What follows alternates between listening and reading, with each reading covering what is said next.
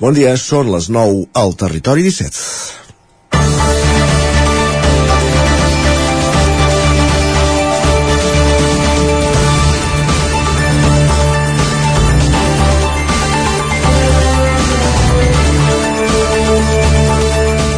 La falta de llet ja ha provocat problemes per vestir als supermercats de terra i tas, titulava divendres el 9-9. Doncs sí, la llet per compensar els ramaders de les cooperatives Plana de Vic i Vaquers d'Osona un preu com cal i que treia el cap al mercat de forma experimental la darrera setmana de l'any passat i vist l'èxit es convertia en una aposta del grup preu a finals de febrer, està patint aquests dies l'etapa més llarga sense estoc als establiments.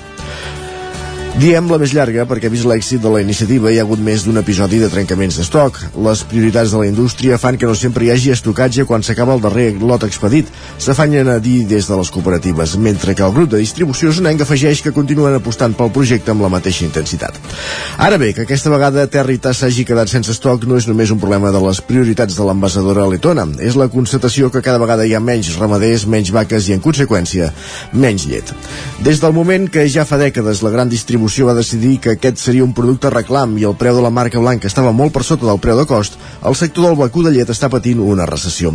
Just abans de la guerra, els costos de... Just abans de la guerra d'Ucraïna s'havia arribat a un punt insostenible i s'ha accentuat amb l'increment dels costos de producció, com són el cereal i l'energia. Això va fer que augmentés el llindar de rendibilitat d'una vaca, els litres que ha de produir al dia per ser sostenible econòmicament, i se sacrifiqués bestiar, aprofitant un moment que la carn es pagava més bé. Arribàvem a l'estiu amb menys bestiar i la calor i la sequera han fet la resta. Més calor, menys producció i menys farratge, i per tant, tocarà rascar-se més la butxaca en menjar. Es busquen solucions alternatives a la indústria làctia, a làctia, ja sigui venent la llet a Itàlia o a petits elaboradors de derivats làctics, però segurament és tard per salvar un sector que dura massa anys, que durant massa anys ha estat depenent de la gran indústria i que massa sovint veu com companys de viatge abandonen el sector. Els que van plantar-se abans i van dimensionar la granja al seu entorn són els que sobreviuen. Una aposta, però, que si es tracta de vestir de llet tota la població, tampoc pot fer tothom. És dilluns 26 de setembre de 2022. Comença el Territori 17 a Twitch, YouTube, la veu de Sant Joan, Ràdio Cardedeu, Ona Codinenca, Ràdio Vic, el 9 FM i el 9 TV. Territori 17, amb Isaac Moreno i Jordi Sunyer.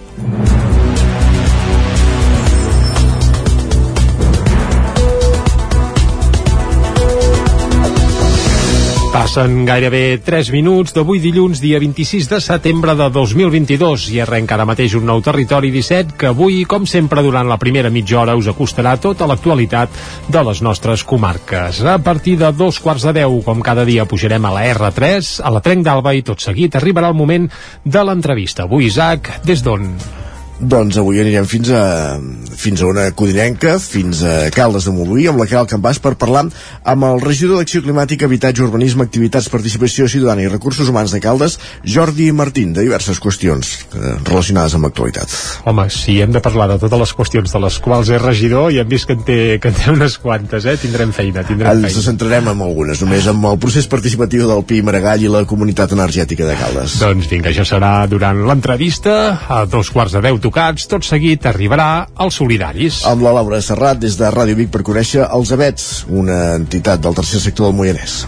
I uh, una mica abans de les 10, com cada dia, escoltarem música amb la cançó del dia. I a les 10 el que tocarà és actualitzar butlletins informatius i tot seguit parlar d'esports. Farem un repàs al que ha estat el cap de setmana esportivament parlant pels equips de les nostres comarques i després, dos quarts d'onze, seguirem avançant, farem un cop d'ull a les portades del 99.cat, ens visitarà en Guillem Sánchez, repassarem piulades i com que és dilluns, com ho acabarem això? Amb la tertúlia esportiva, com cada setmana, avui en companyia de l'Agustí Danés, en Lluís de Planell i l'Òscar Muñoz. Doncs vinga, ja estem situats, per tant el que hem de fer ara mateix és arrencar i com sempre començarem fent un repàs a l'actualitat de casa nostra, ja ho sabeu, l'actualitat de les comarques del Ripollès, Osona, el Moianès i el Vallès Oriental.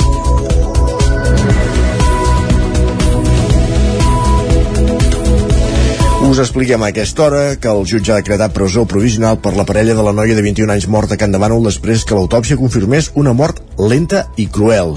Isaac Muntades, des de la veu de Sant Joan.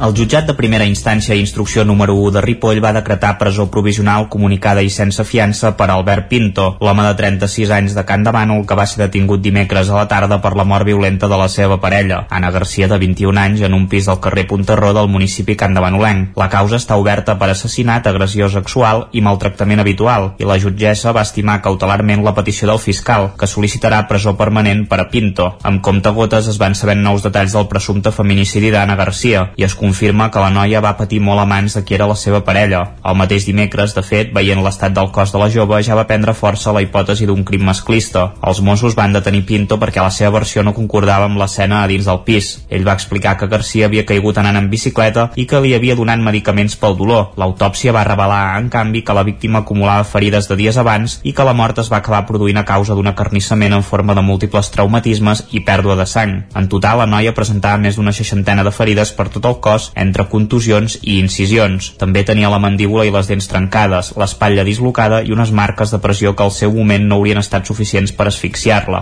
L'autòpsia va revelar, a més a més, una agressió sexual amb un objecte que li va provocar talls profuns a l'interior de la vagina. Garcia s'hauria intentat defensar, ja que algunes de les ferides que presentava als dits i les mans es correspondrien amb haver provat d'evitar un objecte tallant. Segons els forenses, no hi va haver una única lesió que derivés en la defunció de la noia, sinó que la quantitat de cops i ferides amb sang la van anar debilitant fins a patir una mort lenta i dolorosa. Pinto, tot i això, no va avisar els serveis d'emergència, sinó que hauria sigut la seva mare qui, després d'arribar al pis del carrer Punterró i trobar-se el cos de Garcia, va trucar al 061. A partir d'aquí es va alertar l'Hospital de Can de Bànol i efectius del sistema d'emergències mèdiques, en veure l'estat del cadàver, van avisar els Mossos d'Esquadra. El crim va ser el desè feminicidi que es produïa a Catalunya aquest 2022. Aquest dissabte a la tarda, davant del jutjat de Ripoll, s'hi van concentrar desenes de persones que volien mostrar el seu rebuig al feminicidi i es van esperar tot el dia que sortís Pinto per escridassar-lo. Ho va fer en un cotxe blanc cap a les 8 del vespre i enmig d'una intensa pluja. Alumnes, pares i tot el claustre de l'Institut Escola Carles Capdevila van celebrar divendres la inauguració oficial del nou centre dels Hostalets de Balanyà.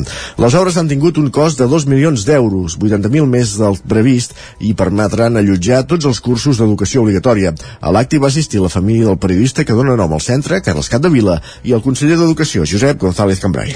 Els alumnes de Balanyà ja no s'hauran de desplaçar per poder fer els seus estudis obligatoris. Des del setembre del 2020 ja poden passar tota la seva etapa d'escolarització a l'Institut Escola Carles Capdevila.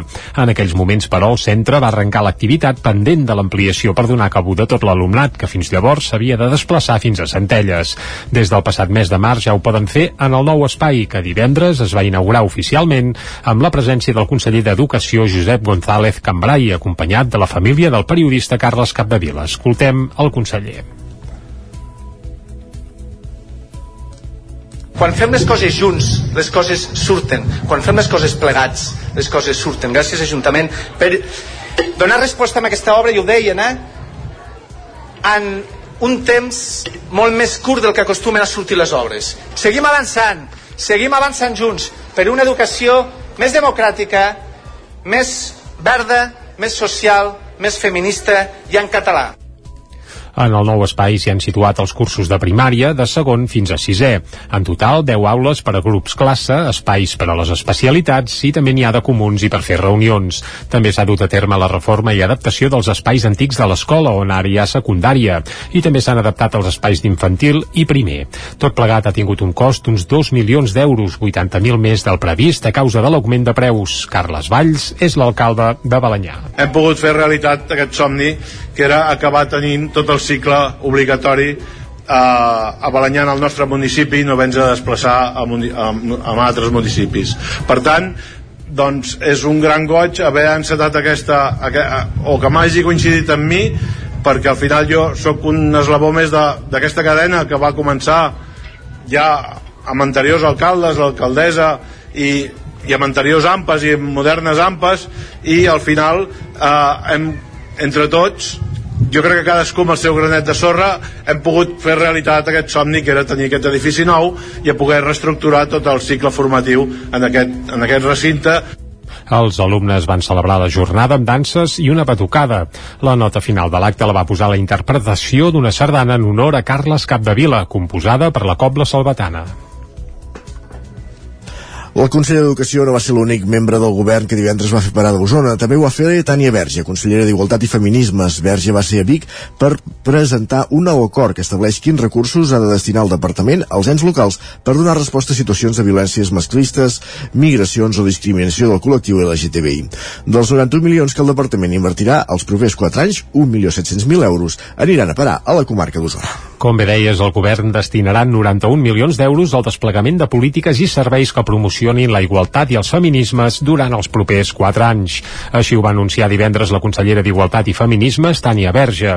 Ho va fer a la presentació del nou acord marc 2025-2022 que estableix quina relació i quins recursos ha de destinar el Departament als ens locals catalans per donar resposta a situacions de violències masclistes, migracions o discriminació del col·lectiu LGTBI.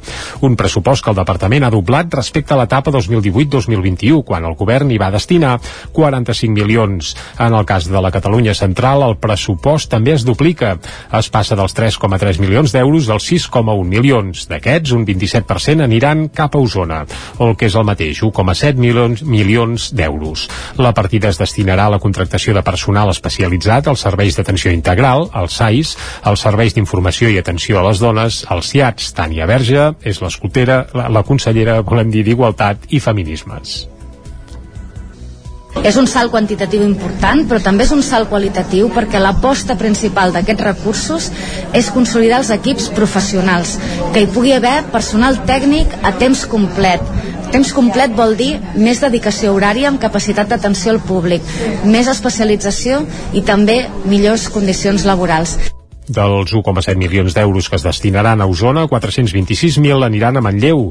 Vic en rebrà 553.700 i el Consell Comarcal 741.000. Seran els ens locals els que tindran l'última paraula a l'hora d'executar-lo en funció de les seves necessitats, sense perdre en cap cas l'import no executat. Abans de presentar el nou acord marc, la consellera va signar el llibre d'honor del Consell d'Osona. I alerta amb la notícia que ve ara. Un autobús queda encallat al mig de la carretera que va al parador de, del parador de Sau a Sant Pere, al monestir de Sant Pere de Casserres, a les Masies de Roda. L'incident va passar ahir diumenge al migdia i va bloquejar una vintena de cotxes particulars que no van poder seguir el camí fins ben entrada la tarda. Sí, és ben curiós. Un autobús que baixava del monestir de Sant Pere de Casserres va quedar entrevessat ahir al migdia a l'últim revolt que hi ha abans d'arribar a la carretera del Parador de Sau. Amb el vehicle sense poder moure's, es va avisar l'assistència per atendre i, emportar-se els turistes que viatjaven a l'autobús, la majoria alemanys que van acabar dinant al restaurant del Parador de Sau. El principal problema, però, va ser pels diversos particulars que també havien anat al monestir i que es van trobar bloquejats a la carretera durant hores, ja que fins a la tarda no es va reobrir el trànsit. Es dona la circumstància que l'accés de la carretera que puja des del Parador fins a Sant Pere de Casserres hi ha un cartell que indica la llargada màxima dels autocars que hi poden accedir, que és de 12 metres i mig. Una mesura que en el cas de l'autobús que va quedar entrevessat no s'hauria respectat.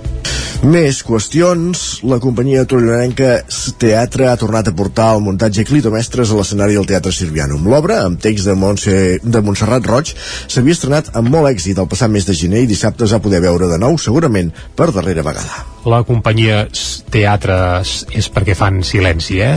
Teatre de Torelló va reaparèixer la temporada passada, després d'un temps d'inactivitat, amb el muntatge Clitomestres, una obra amb text de Montserrat Roig que es va encarregar de dirigir Esther Bassaganya amb Montse Arqués en el paper de protagonista principal. Uns mesos després d'aquella estrena, l'obra va tornar dissabte al mateix escenari, al Sirvianum de Torelló.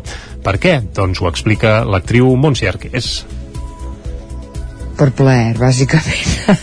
la tornem a presentar perquè, a veure, eh, hi va haver molta gent que no va venir i després, doncs, saps allò, el boca orella, tothom, ai, per què? Ai, em sap greu. Bueno, i com que ens va semblar en els programadors i nosaltres de tornar-ho a provar, a veure com va.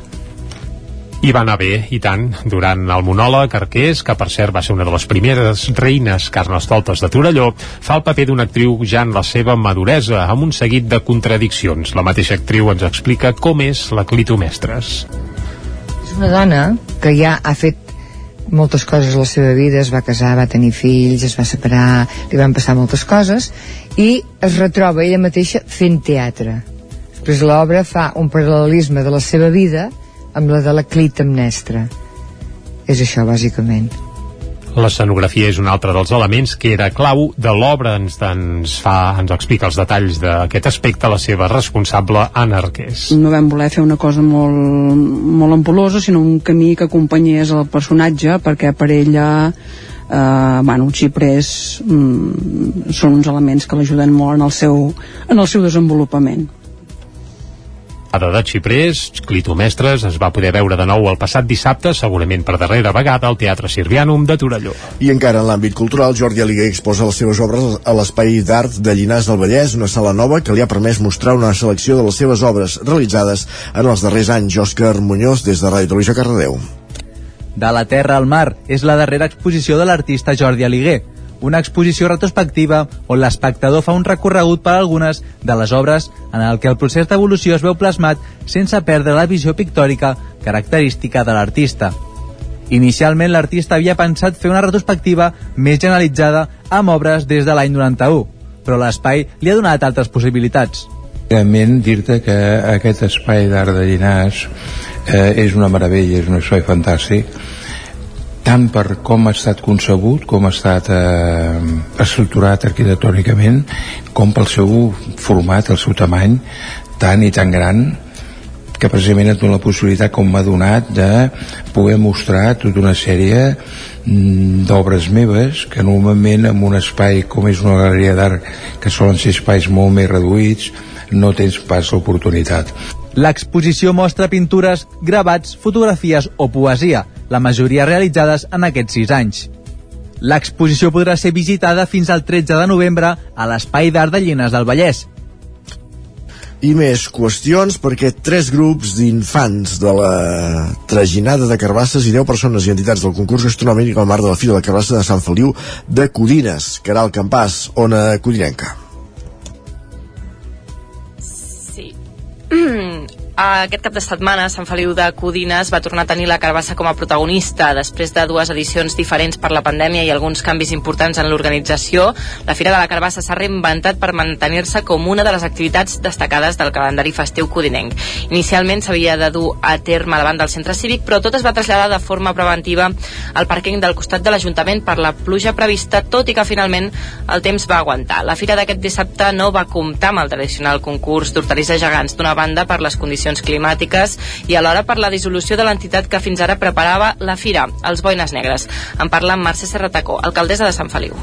Doncs bé, eh, aquest any hem tingut de fer una Fira de Carbassa diferent, Primer perquè estem en, eh, en una època de sequera, les carbasses que fins ara fèiem servir, que eren carbasses de molt de pes, necessiten, em sembla que al voltant d'uns 500 litres diaris d'aigua, per poder-les fer i clar, evidentment no és el moment de, de malgastar aigua amb una cosa que a més a més després no serveix ni per menjar de bestiar. O sigui que no era, no era una opció. Sí, el balanç és, és de que ha sigut una, una fira molt reeixida dintre de tot. L'hem tingut de fer aquí a l'aparcament perquè hi havia amenaça de pluja. Aquesta nit a més a més ha fet un patac d'aigua a les dues de la nit i hem decidit que millor aquí, aquí dintre. O sigui que de moment tot molt bé. Hi havia unes 10 parades, jocs de fusta, tallers i dos concursos que substituïen la tradicional pesada de carbasses. A la traginada de carbasses que es va fer a fora del pàrquing a la plaça, entre les parades del mercat, hi van participar tres grups de nens que havien de transportar carbasses en el menor temps possible. L'altre era un concurs gastronòmic que va comptar amb la participació d'unes 10 persones o entitats i que va guanyar l'escola FEDAC amb una Magdalena de Carbassa. Perfecte, moltes gràcies, Caral. Acabem aquí aquest repàs informatiu que començàvem al punt de les 9 en companyia de Caral Campàs, Jordi Sunyer, eh, Isaac Montades i Òscar Muñoz. Moment al territori 17 d'avançar, moment de conèixer la previsió del temps. Per la qual cosa no ens movem d'una codinenca i saludem ara en Pep Acosta.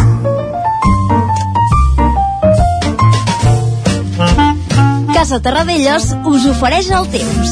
Doncs vinga, en Pep ja el tenim a punt. No sé si considerarà que va ploure molt o poc. Aquest cap de setmana ell ens augurava que, que la cosa aniria generosa. Pep, bon dia.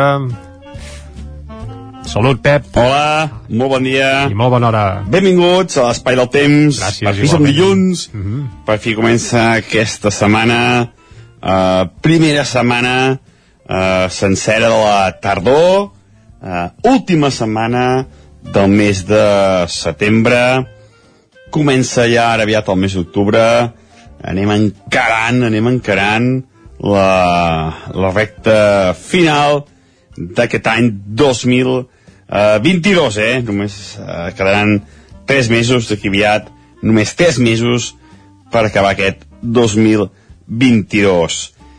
Acabem a un cap de setmana que hem tingut una mica de tot pel que fa el temps. Ha estat molt, molt interessant el cap de setmana.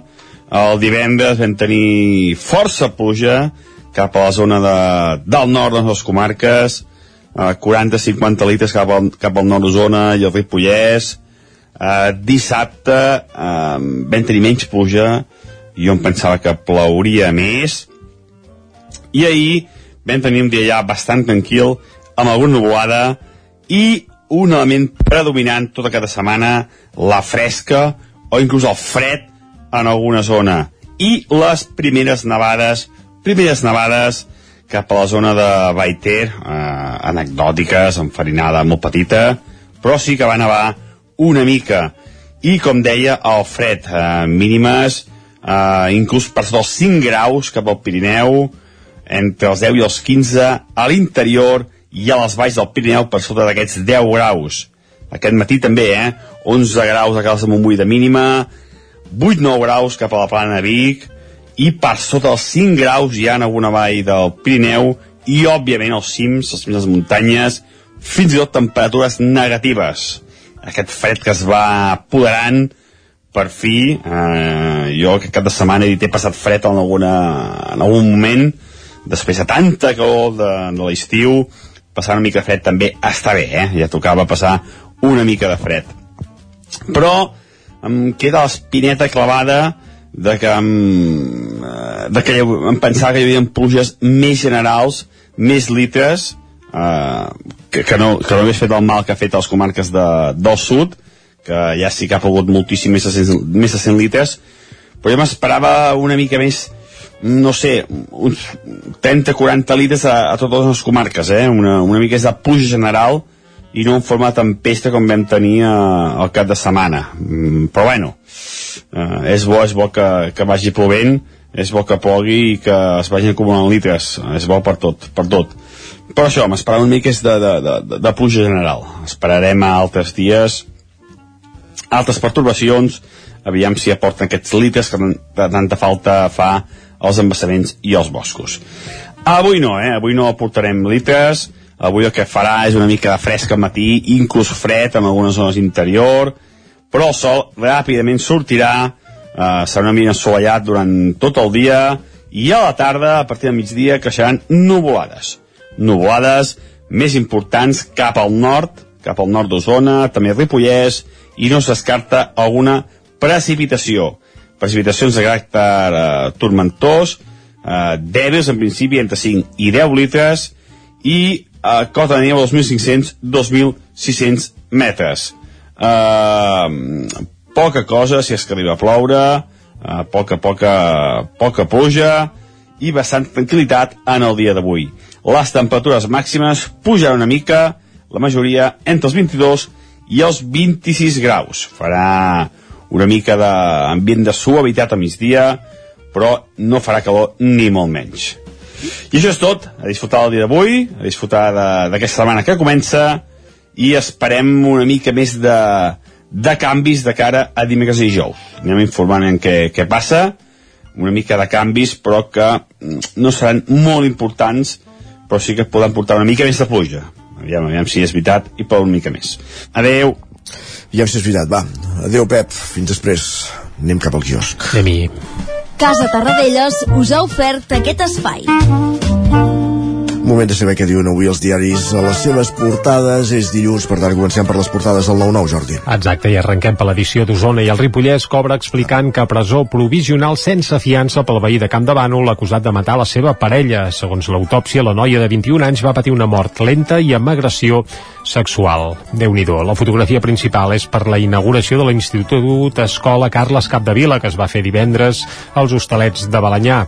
I a la fotografia s'hi veu el director del centre, el conseller González Cambrai i els pares de Carles Capdevila, a part de l'alcalde de Balanyà, Carles Vall. També Marta Rovira demana de fugir les picabaralles i no fer diferències entre exiliats. Recordem que es va fer aquest cap de setmana un acte eh, des de Vic demanant doncs, el retorn de la Marta a casa seva. També veiem l'autocar entrevessat baixant de Sant Pere de Casserres, que provoca hores d'embús, i Pep de la Mora, nou alcalde de Tavernoles, i agafa el relleu de Carles Benús, i bé, el relleu es veu ben bé, perquè la fotografia es donen la mà en Pep de la Mora i en Carles Benús, i es passen la vara d'alcalde. Anem cap al Vallès Oriental, titular principal, una vuitantena de botigues i oficines de Granollers s'han reconvertit en habitatges és a dir, allà on abans hi havia una botiga, ara hi ha un pis, per exemple. I això ha passat en 80 espais. Fa dos anys i mig es va modificar el POUM per incentivar-ho. També Sant Miquel del Fai reobrirà els caps de setmana a finals de tardor. Sembla que es veu la llum al final del túnel, porta anys tancat, però sembla que aquesta mateixa tardor podria començar a reobrir Sant Miquel del Fai. I també a la fotografia principal hi veiem gent anant en bicicleta. En bici a peu o a peu és molt més ràpid i és que aquest cap de setmana Granollers es va fer una cursa local de transports en el marc de la setmana de la mobilitat sostenible. Anem ràpidament cap a fer un cop d'ull de les portades d'àmbit nacional. Comencem pel punt avui. Ja cal dir que aquestes portades, totes o moltes, miren cap a Itàlia. Eh? Gir a la ultradreta, titulen el punt avui. És que les eleccions que es van fer a Itàlia aquest cap de setmana, doncs Giorgia Meloni, eh, la líder ultra, ha obtingut la majoria a les dues cambres, eh? tant al Senat com a la cambra convencional. Més coses, també al punt avui, la Mercè, entre la festa, els aldarulls i un mort. I és que la nit de dissabte a diumenge un noi de 25 anys va ser assassinat amb una arma blanca a la plaça d'Espanya i també hi va haver incidents de gravetat amb pillatge a comerços de la zona. Això a la portada del punt avui. Anem ràpidament cap a, Ita cap a l'ara. Diuen la Itàlia que ve amb una fotografia de Meloni i també alerta, el Mediterrani es tropicalitza. Per què? Doncs perquè l'aigua i és més calenta que mai. Al periòdico l'extrema dreta sobre pas a Itàlia i també Crònica Negra, la Crònica Negra marca la Mercè, les festes de, de Barcelona. A l'avantguàrdia, Itàlia sacseja Europa amb la històrica victòria de la ultradreta, aquest és el titular principal, i ràpidament cop d'ull a les portades que s'editen des de Madrid. El País, els sondejos donen una clara victòria a la ultradreta. El Mundo, la llei trans destrossarà la legislació d'igualtat. Mare meva, déu nhi uh, l'ABC Sánchez reserva 15.000 milions en ajudes per a l'any electoral. Uh, això també veiem a les portades de Madrid. Fem una pausa i tornem en 3 minuts. El nou FM, la ràdio de casa, al 92.8 a Deportec estem especialitzats en el tractament d'aigües residuals i el tractament de purins. Donem un servei integral en el tractament de l'aigua, oferint el disseny de la línia hidràulica, reparacions i manteniment, analítiques, formulació i subministrament de productes químics. Ara a Deportec et podem ajudar a obtenir un gran estalvi energètic en la deshidratació de fangs, oferint-te un sistema innovador, el Deportdisc. Deportec, ens trobaràs al carrer de la Fusteria 22, al polígon de les Gaules, a Tona. Amb Pradell estalvio energia i cuido la meva butxaca i el medi ambient. Posa't en mans a Pradell, són experts en calderes de gas i condensació, estufes de pèl·let, energia solar, terres radiants i geotèrmia. Pradell instal·la calderes de biomassa per a particulars i per a empreses. Si vols estalviar un 50% en consum, contacta amb Pradell i passa't a les energies renovables. Pradell, som a l'Avinguda Països Catalans 27 de Vic. Telèfon 93 885 1197. Pradell.cat. Cobertes serveis funeraris. Els nostres tanatoris estan ubicats en els nuclis urbans més poblats de la comarca d'Osona per oferir un millor servei. Tanatori de Vic, Tanatori de Manlleu, Tanatori de Centelles i Tanatori de Roda de Ter. Sabem que són moments difícils i per això el nostre compromís és atendre-us en tot moment amb un tracte humà, sensible i respectuós. Cobertes serveis funeraris. Telèfon 24 hores 93 883 23 46.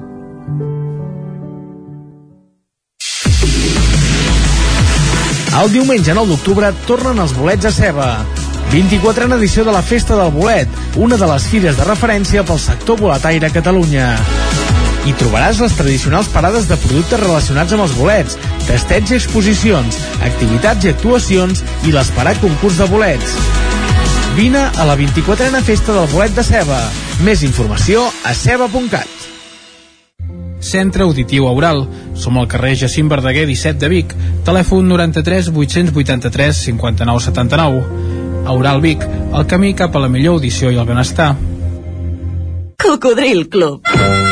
Si t'agrada la bona música dels anys 60, 70 i 80, escolta el 9 FM els matins de dissabtes i diumenges d'11 a 1. És el temps del Cocodril Club, tot un clàssic de la ràdio, amb les bases del pop-rock, les llegendes, les cançons que s'han convertit en autèntics himnes. Recorda, dissabtes i diumenges al matí, d'11 a 1, al 9 FM 92.8. Cocodril Club, el programa revival de l'Albert Malla. Hasta luego, cocodrilo. El 9 FM, el 9 FM, el 9 FM, el 9 FM, el 9 FM. Territori 17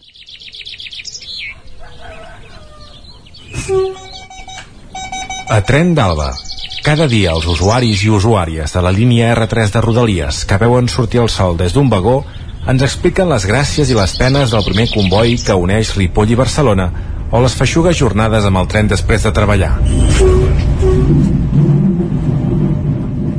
Benvinguts a Tren d'Alba. Dos dels nostres antics cronistes, en David Vinyoles i la Montse Uran, van ser protagonistes al diari El 9-9 per un viatge amb tren que no va anar gaire bé. Quan tornaven des de Barcelona, ells dos, que més són invidents, volien agafar l'últim tren del dia que passa per la parada de la plaça Catalunya a Barcelona i s'atura a Centelles. La megafonia no funcionava i la retolació tampoc. Així doncs, no van pujar a l'R3, sinó a l'R1, que anava cap a Blanes. Ells van haver de baixar cap a Sant Adrià del Besòs i ja no hi havia possibilitat de tornar cap a Barcelona. Allà van fer una trucada al telèfon de Rodalies per denunciar aquesta negligència, però no els van ajudar. Al final van acabar fent el trajecte amb taxi i la broma els hi va costar 86 euros. Evidentment faran una reclamació per escrit perquè els hi tornin els diners, perquè tela. Va, avui en Jordi Valls també ens explica què els hi va passar a la crònica, però no ho fa sol. Bon dia, sóc en Jordi. I jo la Neus, i som de Centelles. Us explicarem una aventura que vam tenir plegats, pare i filla. El dissabte, dia de la Mercè, se'ns acudeix agafar el tren de les 8.07 de Centelles cap a Barcelona, no en tenim prou durant la setmana, i agafem i arriba un tren doble on els tres cotxes al darrere venen en silenci i a les fosques. Quan arribem a la següent parada, Sant Martí de Centelles, ens adonem que, a més, el tren no pot frenar per l'olor que fan les rodes a cremat. I així ja va ser tot el trajecte, fins que estàvem a punt d'arribar a Montcada bifurcació, on ens van anunciar que aquella seria l'última parada i que hauríem de baixar tots del tren i esperar a que passés el següent tren de la R4 per arribar fins a Barcelona. Aquí és on va començar tota l'aventura, perquè en el nostre vagó hi anava una persona amb cadira de rodes i com els que fem molt de tren sabem, a Montcada i bifurcació no està adaptat perquè puguin baixar les persones amb cadira de rodes o algun tipus de minusvalia. Per tant, vam haver de carregar-ho a mà. Per sort, aquesta persona podia aixecar-se i podia caminar una mica i vam poder baixar per un costat la cadira i després ajudar-lo, però va ser tota una aventura perquè a més a més, quan ja l'havíem baixat, ens vam adonar que el següent tren era un Cíbia i a més a més era curt. Nosaltres anàvem amb un amb... 447, una doble de 6 vagons. Per tant, la diferència era abismal. Vam haver de tirar endavant entre tota la gent i tornar a fer el mateix procediment perquè pogués pujar al tren. S'ha de dir que en tot moment, tant el, el maquinista com el mecànic, tot el viatge al mecànic amunt i avall intentant arreglar el tren, eh, van estar esforçant-se a tope, però realment va ser una aventura. Vam arribar, quan? Uns 35 minuts tard? Sí. Ben bé, sí, sí. Dia de la Mercè, ho vam celebrar bé. Ei, que el problema és que volen ficar un tren de ferrocarrils per portar a l'aeroport. Uh! Potser que ens ho mirem, eh? Que també vam deixar tirats a dos veïns eh, eh, invidents per allà, per Barcelona, i van haver de pagar-se un taxi, eh? Que això tela, tela. Res més, que una Renfe qualsevol no us espatlli l'aventura del tren. Adéu-siau. Les noves generacions al poder. Ja tenim successora d'en Jordi, la seva filla Neus. Per cert, també és bastant preocupant que hi hagi estacions que no estiguin habilitades per a gent amb mobilitat reduïda, cadires de rodes o cotxets. Un autèntic desastre. Va, ens retrobem demà amb més històries del tren i de l'R3. Això serà demà. Ara mateix anem a l'entrevista. Passen pràcticament 4 minuts de dos quarts de 10 del matí. Territori 17, el 9 FM, la veu de Sant Joan, Ona Codinenca, Ràdio Cardedeu, Territori 17.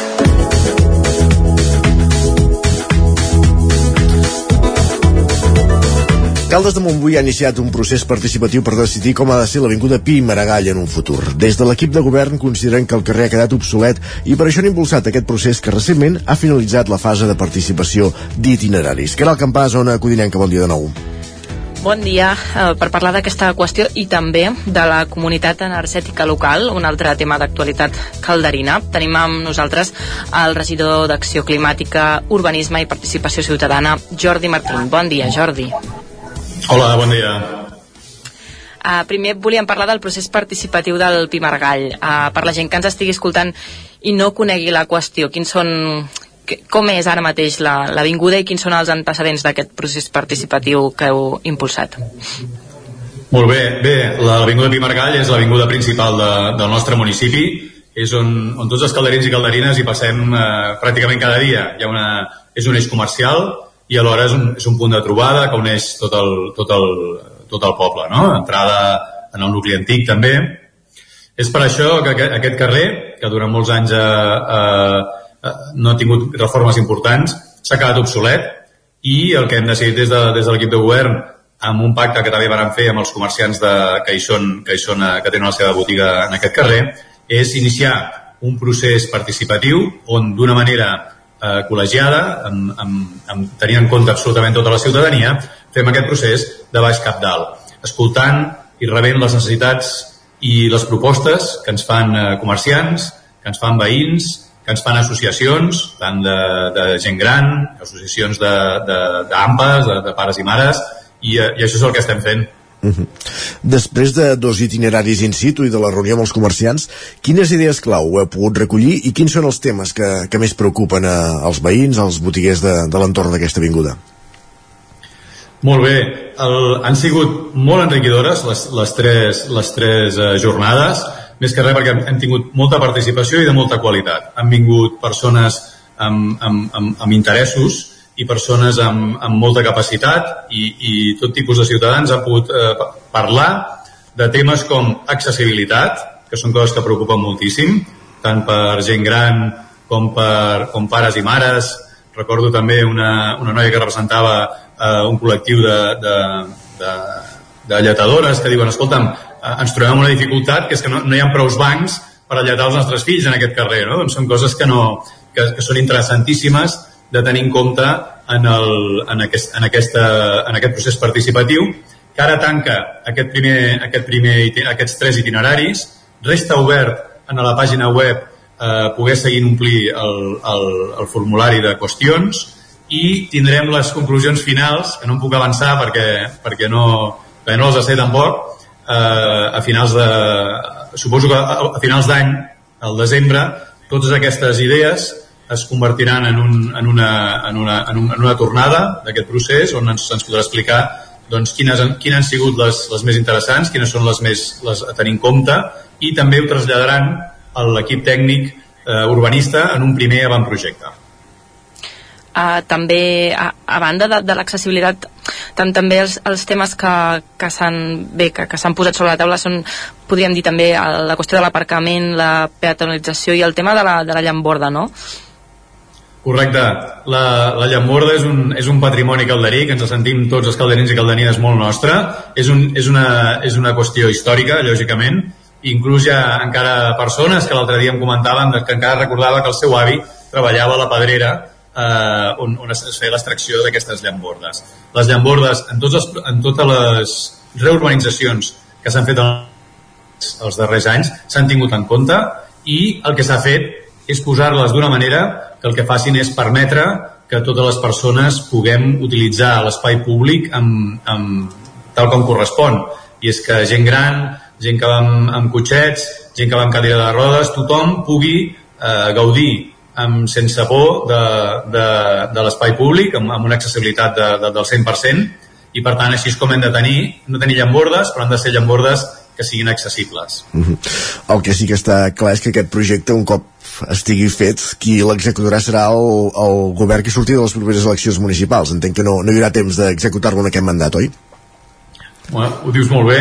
Nosaltres teníem el compromís d'arribar a un acord, d'arribar a un consens sobre la, forma, la reforma de Pi Margall, el procés participatiu és eh, la millor manera eh, hem tingut una bona experiència eh, recentment amb el- amb l'Escola del Carme, on es van definir usos i també va acabar el procés amb, una, amb un avantprojecte. I en el cas de Pimargall, amb aquest, amb aquest consens que s'arribi, amb aquestes propostes, amb aquest avantprojecte, el que fem és lliurar-lo al, al proper govern, que és qui haurà, qui haurà de- d'en- d'en- d'enfocar-ho i decidir ben bé com, de- com s'ha d'acabar de tirar endavant. Però el més important és que hi haurà un consens entre totes les parts i hi haurà un primer avantprojecte, unes primeres idees clau de com tirar-ho endavant. Anem a la qüestió de la comunitat energètica local, si et sembla. Eh, És un projecte ambiciós. A Caldes mm, podríem dir que és un dels pobles més petits que ha posat en marxa un projecte similar a, a aquest, això és correcte? Caldes és, un, és, un, és una tenim 18.000 habitants aproximadament i, i segurament d'aquest tamany som els, els, els, els que, el més gran que, que, que, que han tirat endavant una comunitat energètica. Mhm. I, I quines funcions té la, la CEL? Molt bé, ha estat, ha estat un, un treball intens, tenim ja, tenim ja els primers resultats. A, a dia d'avui, aquest setembre, ja tenim 100 famílies apuntades a la modalitat A que reben eh, un quilowatt de, de potència instal·lada fotovoltaica d'equipaments públics i tenim 30 famílies que estan apuntats a, a, a l'autoconsum des de la seva pròpia instal·lació. Per tant, hi ha 130 famílies a Caldes que ja formen part de la comunitat energètica i que, per tant, estan gaudint de la possibilitat de, de fer l'energia quilòmetre zero, 100% sostenible. Uh -huh. uh, com funciona aquesta comunitat? En règim de cooperativa també? O, amb, o amb, quina és la- l'estructura amb la que s'organitzen aquests, aquests socis de- d'aquesta comunitat? Molt bé. El, la comunitat energètica de Caldes l'hem dissenyat eh, tenint en compte que el que més ens interessava és començar a posar eh, instal·lacions fotovoltaiques a Caldes, per tant, començar a generar el, el més aviat possible i donar unes eines administratives perquè les persones que tenen més dificultats per accedir a la fotovoltaica, per exemple, una família que visqui de lloguer en un bloc d'habitatges, que a vegades és difícil que ens posem els veïns d'acord eh, per, per, per, per alguna qüestió o perquè la proporció de coberta no és suficient com per donar energia a tots els veïns, poden gaudir de la possibilitat de eh, llogar, per dir d'alguna manera, eh, plaques públiques que estan instal·lats en equipaments públics. A raó d'un quilowatt per família, amb una taxa anual de 50 euros. Aquesta és una de les modalitats de la, de la nostra comunitat energètica i l'altra modalitat és les famílies que s'instal·len plaques a casa seva perquè tenen més possibilitat, per exemple, que viuen en, en un xalet, doncs eh, eh, poden entrar dintre de la comunitat i gaudir d'una gaudir d'una subvenció eh, per ajudar-los eh, a reduir el temps d'amortització d'aquestes plaques alhora que formen part de la, de la comunitat energètica de, de Caldes de Montbui. A nivell pràctic, eh, i ho heu avançar fa, fa molt poc això, eh, les persones que est estan inscrites ja han pogut notar no? una reducció en la factura de, de la llum. En quins termes estem parlant? Bé, aquest, aquest mes de setembre han començat a arribar ja les factures de, de juliol i d'agost. Juliol va estar en funcionament eh, la, la darrera setmana, però agost ha funcionat tota la setmana. Han sigut, han sigut eh, molt positiu perquè ja veiem realment els resultats de tot això i és que una família de mitjana es pot estalviar 40 euros a la seva factura de la llum. Aquests 40 euros són una combinació de, de l'autoconsum i dels excedents que generen. L'autoconsum és la part que consumeix la família en horari solar i que per tant les plaques estan generant energia. Aquest, durant aquest període el cost és zero, per tant si cuinem eh, a les 12 del migdia i no passem d'un quilowatt, doncs eh, ens sortirà gratuït. Al cap de l'any, evidentment agost és un mes amb molta insolació, al cap de l'any hem calculat entre 200 i 300 euros d'estalvi que pot tenir cadascuna de les famílies que estiguin apuntades a, a la cel de Caldes. Jordi Martín, regidor d'Acció Climàtica, Urbanisme i Participació Ciutadana a l'Ajuntament de Caldes de Montbui. Gràcies per ser avui al Territori 17 i aprofundir en aquestes dues qüestions, aquest projecte, aquest procés participatiu de l'Avinguda Pimaragall i la Constitució i, el primer, i la posada en marxa d'aquesta comunitat energètica. Gràcies i bon dia. Gràcies a vosaltres, bon dia. Gràcies també, Caral, per acompanyar-nos en aquesta entrevista. Parlem d'aquí una estoneta. Fins després. I avancem al territori 17. Serà un moment tot seguit després de l'entrevista d'endinsar-nos als solidaris.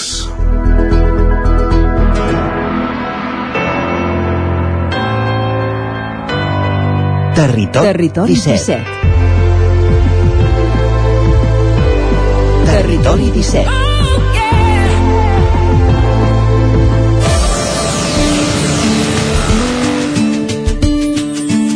I som els solidaris, l'espai que cada setmana des de Ràdio Vic, en el qual eh, cada setmana des de Ràdio Vic la Laura Serrat ens acosta la realitat d'alguna entitat que treballa pels més desfavorits de les nostres comarques i avui és moment de dedicar-nos als abets de, del Moianès. Per tant, sense, més, sense més preàmbuls, anem fins a Ràdio Vic. Laura Serrat, benvinguda, bon dia. Després de passar per les comarques d'Osona i el Ripollès en la nostra cerca de fundacions i organitzacions, on hem pogut conèixer entitats molt diferents, avui, des de Ràdio Vic i a través de l'antena del Territori 17, posarem el peu en una nova comarca, el Moianès, per conèixer la Fundació Els Avets, amb seu a Moià. Aquesta organització, que porta 40 anys ajudant a les persones amb discapacitat intel·lectual a la comarca, ja s'ha convertit en tot un referent al territori pel sector d'atenció a les persones. Actualment, la Fundació es troba en una etapa de normalització de la seva vida quotidiana, que, com la de tots, es va veure trasbalsada per la pandèmia dels darrers anys. El seu actual director, Ramon Ribas, ens explica que la seva principal barrera són les restriccions vigents d'altres entitats col·laboradores, que encara tenen reticències. Bueno, nosaltres eh, som una llar tenim dues ja residències petites de 8 i 9 places en un entorn molt rural eh, tot i que el coronavirus ha arribat a tot arreu, no és el mateix el control diguem, de les relacions que tenim nosaltres que en una gran ciutat. Llavors doncs, ja fa força mesos que nosaltres hem, vam optar per fer una vida el màxim normalitzada possible amb algunes precaucions de les coses i bàsicament ens trobem amb, encara amb les barreres diguéssim d'altres organitzacions, d'altres entitats amb les que col·laborem que encara doncs tenien reticències pel tema del coronavirus perquè poguéssim tornar, diguéssim, a la vida habitual que fèiem de, de col·laboració amb l'escola pública, amb l'escola PIA, amb l'escola sol, amb altres institucions, doncs que encara eren reticents doncs, que poguessin fer massa coses conjuntament. Però fora d'això, el coronavirus l'hem deixat ja bastant enrere. El director ens fa un breu resum de la seva experiència amb l'aplicació de les restriccions des de l'inici de la pandèmia, en un moment en què la situació era nova per tothom i els primers mesos van ser molt caòtics, que el confinament eh, doncs va ser molt difícil i molt caòtics a nivell també de, de com prendre mesures perquè en aquell moment benestar social no sabien com gestionar-ho. I que no va passar a mans de sanitat, doncs eh, no ens van donar consignes clares. Nosaltres, per sort, vam tindre la, la capacitat de saber eh, anar a buscar assessorament amb metges sense fronteres, que van fer unes formacions online molt bones que ens van donar molt criteri de com havien de fer aquest confinament encara lluís i quan van vindre els criteris de la Generalitat, la veritat és que nosaltres ja estàvem aplicant moltes coses quan ens, ells ens van dir, van dir, tot això ho estem aplicant i esteu demanant coses que són impossibles per nosaltres. I vam dir, fins ara hem sigut molt responsables perquè hem aconseguit que no entrés aquí el coronavirus, però deixarem de ser responsables sense aplicar els nostres criteris perquè eren criteris pensats per residències enormes, 300-400 persones a de Barcelona. I no sé res que veure això amb una llar residència de 8 persones a Mollà. Amb la nova normalitat arriben també nous projectes. Enguany és el 40è aniversari de l'entitat, una fita que celebraran el pròxim 8 d'octubre en una gran festa al Parc Municipal de Mollà. Amb motiu de la celebració, l'entitat es va fer càrrec del pregó de la Festa Major, una ocasió en què es va poder fer un repàs dels seus 40 anys d'història. Ribas ens explica l'altre gran projecte que tenen entre mans. L'altre gran projecte que tenim en aquest moment és que estem immersos en, en el projecte de construir una nova llar, una llar no tant pensat en créixer, que també en part creixerem, sinó pensant sobretot en la qualitat de vida de les persones dels que tenim. Tenim una llar que en aquests moments ens ha quedat, és molt petita, vam tingué de fer-la fa 10 anys corrents i de pressa per substituir una altra que teníem que ens quedàvem sense espai i vam poder-la fer en aquell moment amb pocs recursos i és una llar que sembla més una residència que una llar. I nosaltres doncs, volem un model de llar molt familiar, molt que se sentin que és casa seva, que sentin que és una casa més del poble i per tant doncs, hem estat treballant per aconseguir això, hem comprat un terreny prop d'on ara està aquesta casa i on hi ha el taller i estem buscant el finançament per poder construir aquesta casa que passarà a ser de 8 a 12 places però 12 places que són dues plantes de dues vivendes independents de 6 i 6 i per tant doncs, conviuen només amb 6 persones i no amb 8 com estan ara o més que poguessin ser, és un augment de qualitat de vida per a ells i a més a més totes les habitacions individuals, microespais entre habitacions perquè es puguin relaxar, puguin eh, tindre una xerradeta amb una altra persona, puguin mirar la tele d'una forma separada dels altres, crear petits espais dintre de cada llar que facilitin aquesta relació més propera amb cada persona i no sempre com a grup de tota la llar junta que també necessiten de tant en tant descongestionar una mica. L'autonomia individual és un dels principals reptes i objectius de l'acció de l'entitat. La quantitat de recursos que necessita cada persona és variable. En funció de les seves capacitats hi ha tasques que no poden fer sols, però n'hi ha d'altres que sí, com ara posar en marxa la rentadora o el rentavaixella, accions quotidianes que faciliten aquesta vida autònoma. Aquesta és una batalla que treballem contínuament dins de les llars, però també perquè aquestes persones siguin capaces de eh, sentir-se que són útils, que formen part de la vida de la llar d'una forma normal i després pues, sortir amb això també a fora i sentir-se que formen part de la vida social també integrant-se i participant amb la màxima normalitat. Una altra de les batalles de la Fundació, per no dir la més important, és la de la lluita per la integració social dels seus usuaris.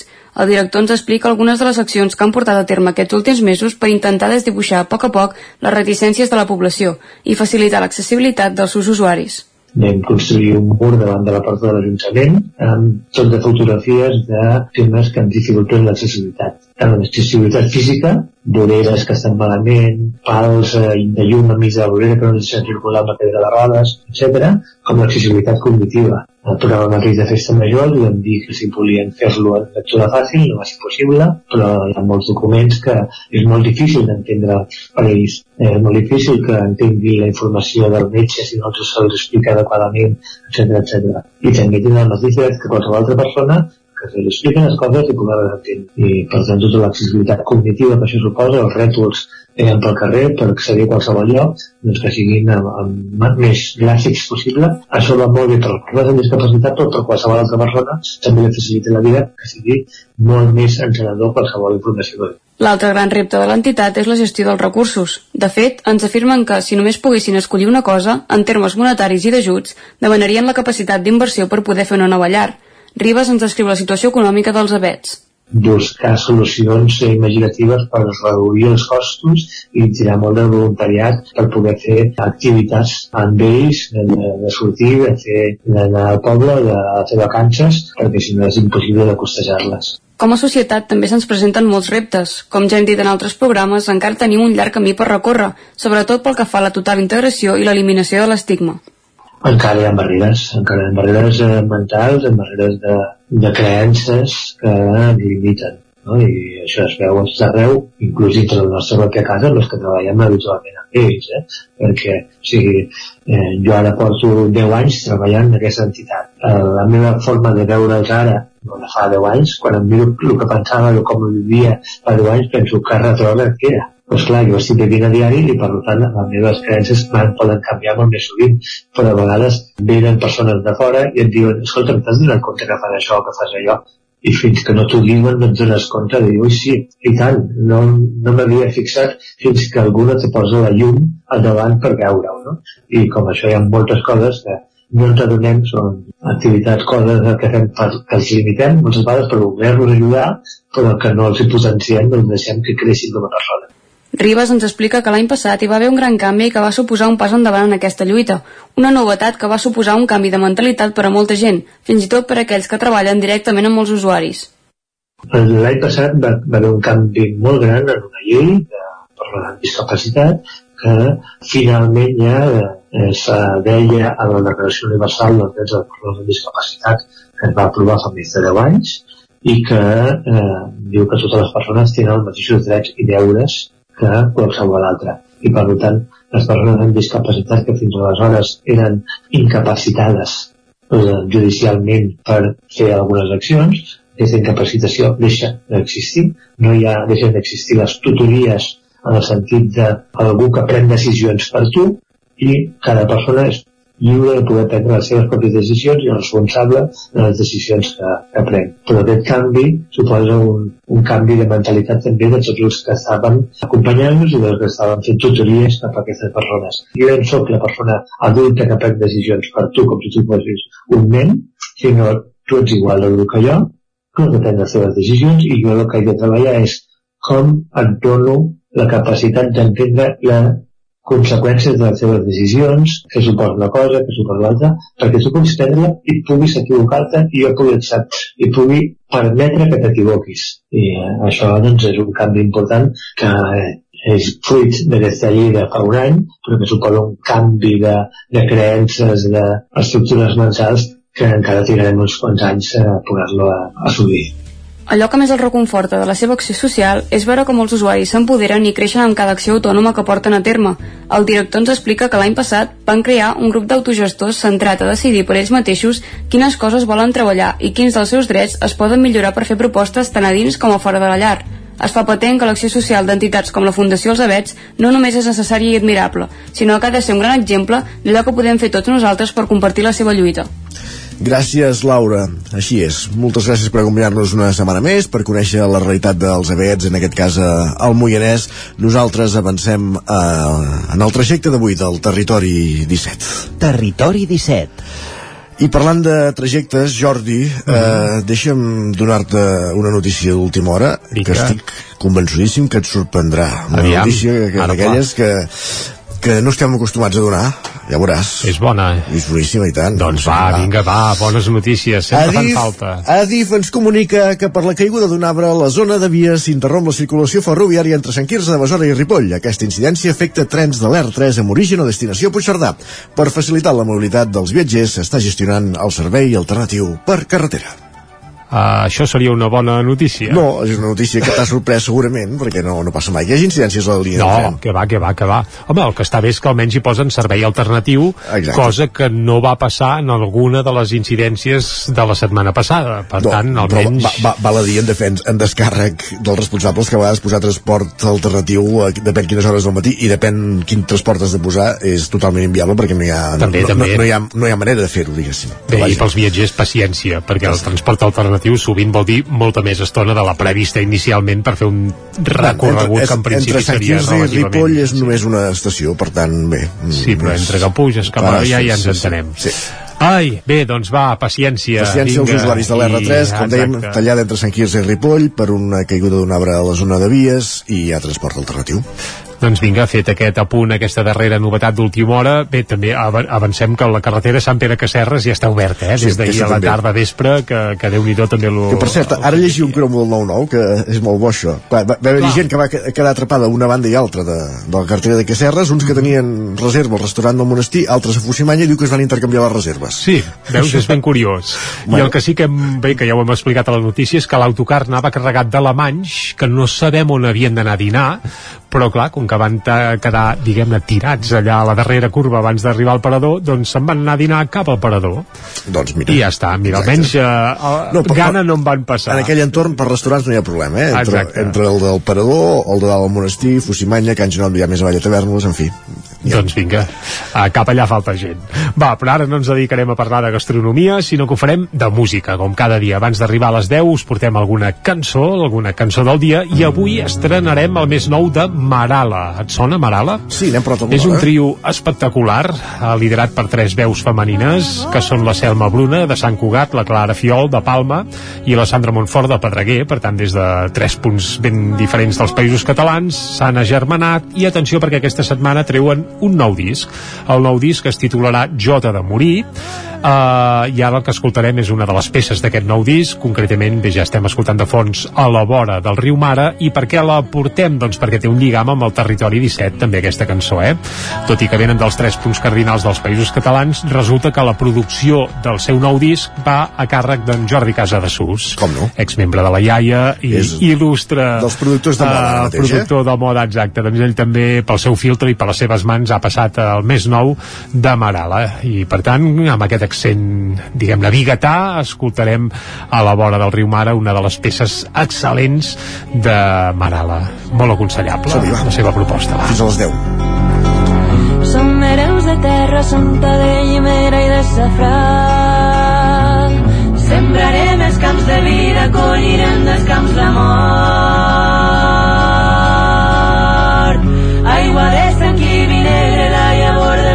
Del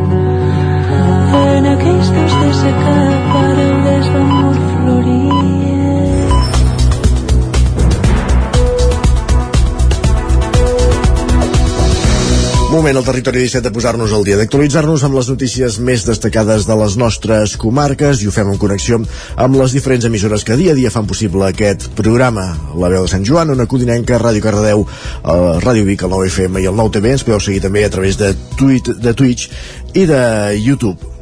Una actualitat que passa per aquesta hora, us ho dèiem fa dos minuts, per el tall de la línia R3 de Rodalies entre Ripoll i Sant Quirze de Besora. Adif comunica que per la caiguda d'un arbre a la zona de via s'interromp la circulació ferroviària entre Sant Quirze i Ripoll. Aquesta incidència afecta els trens de l'R3 amb origen a destinació Puigcerdà. Per facilitar la mobilitat dels viatgers s'està gestionant servei alternatiu per carretera. Informació que ens arriba des de l'àrea de comunicació de, de Renfe Adif. Més qüestions. La Sareb, coneguda popularment actualment com el Banc Dolent encara té prop de 212 habitatges buits a la comarca d'Osona, 122 dels quals a la ciutat de Vic. La Generalitat reclama a l'estat espanyol que en faciliti la cessió per destinar-los a lloguer assequible. Amb l'objectiu d'augmentar el parc públic d'habitatge social, fa uns dies que el conseller d'Economia i Hisenda, Jaume Giró, i la consellera de Drets Socials, Violant Cervera, van demanar per carta a l'estat espanyol la cessió dels immobles que la Sareb, també coneguda com a Banc Dolent, té en territori català. La petició va en la línia de la feina de formiga que des de fa temps es realitza a les institucions locals. Ajuntaments com els de Vic i Manlleu, amb oficines d'habitatge pròpies, la segona acabada de recuperar, o d'altres com Roda de Ter o Sant Quirze de Besora, sota el paraigua de l'oficina d'habitatge del Consell Comarcal, piquen molta pedra amb l'objectiu de poder aprofitar de nou uns actius immobiliaris que sovint cauen en la decadència o són un pol d'atracció per a les ocupacions. En el cas d'Osona, els números canten. La Sareb té actualment 212 habitatges, 122 dels quals a Vic, i rebre aquesta sessió per part de l'Estat podria ser un bon desllorigador a la manca d'habitatge social. Des de la Generalitat apunten que aquest recurs serviria per augmentar l'escàs parc públic d'habitatge a Catalunya, que se situa en el 2% del total, quan a la mitjana a la Unió Europea és de prop de l'11%. La Sareb és una empresa creada per l'Estat el 2008 amb l'objectiu de comprar actius deteriorats, deutes i immobles a entitats bancàries que va caldre rescatar. Ara els ven per recuperar una part de l'aval públic. Més qüestions diagnosticar abans i amb més rapidesa totes les patologies que tinguin a veure amb els ulls. Aquest és l'objectiu del Servei d'Oftalmologia del Consorci Hospitalari de Vic, que ha incorporat un nou sistema que permet obtenir imatges d'alta resolució i en tres dimensions dels vasos sanguinis oculars. El consultori número 17 de la clínica eh, de Vic és des d'on fa uns dies hi ha el nou aparell que el Consorci Hospitalari ha incorporat a la planta d'oftalmologia amb l'objectiu de diagnosticar abans i amb més rapidesa patologies que afecten els ulls. Gràcies a un sistema d'angiografia per tomografia de coherència òptica, l'aparell permet captar imatges d'alta resolució i en tres dimensions, un mètode que funciona mitjançant ones de llum i que per tant és molt poc invasiu. Ho explica Hassanein Ali Asaf, cap del Servei d'Oftalmologia del Consorci Hospitalari de Vic. És un aparell per a l'estudi de les capes dintre de la retina. O sigui, nosaltres, quan tenim un pacient amb una patologia de dintre de l'ull, tenim que fer-li un estudi. Aquest estudi és com un escàner que fa un, sigui, un, un, una, una, o sigui, un estudi per, per mirar com treballen les cèl·lules dintre de l'ull.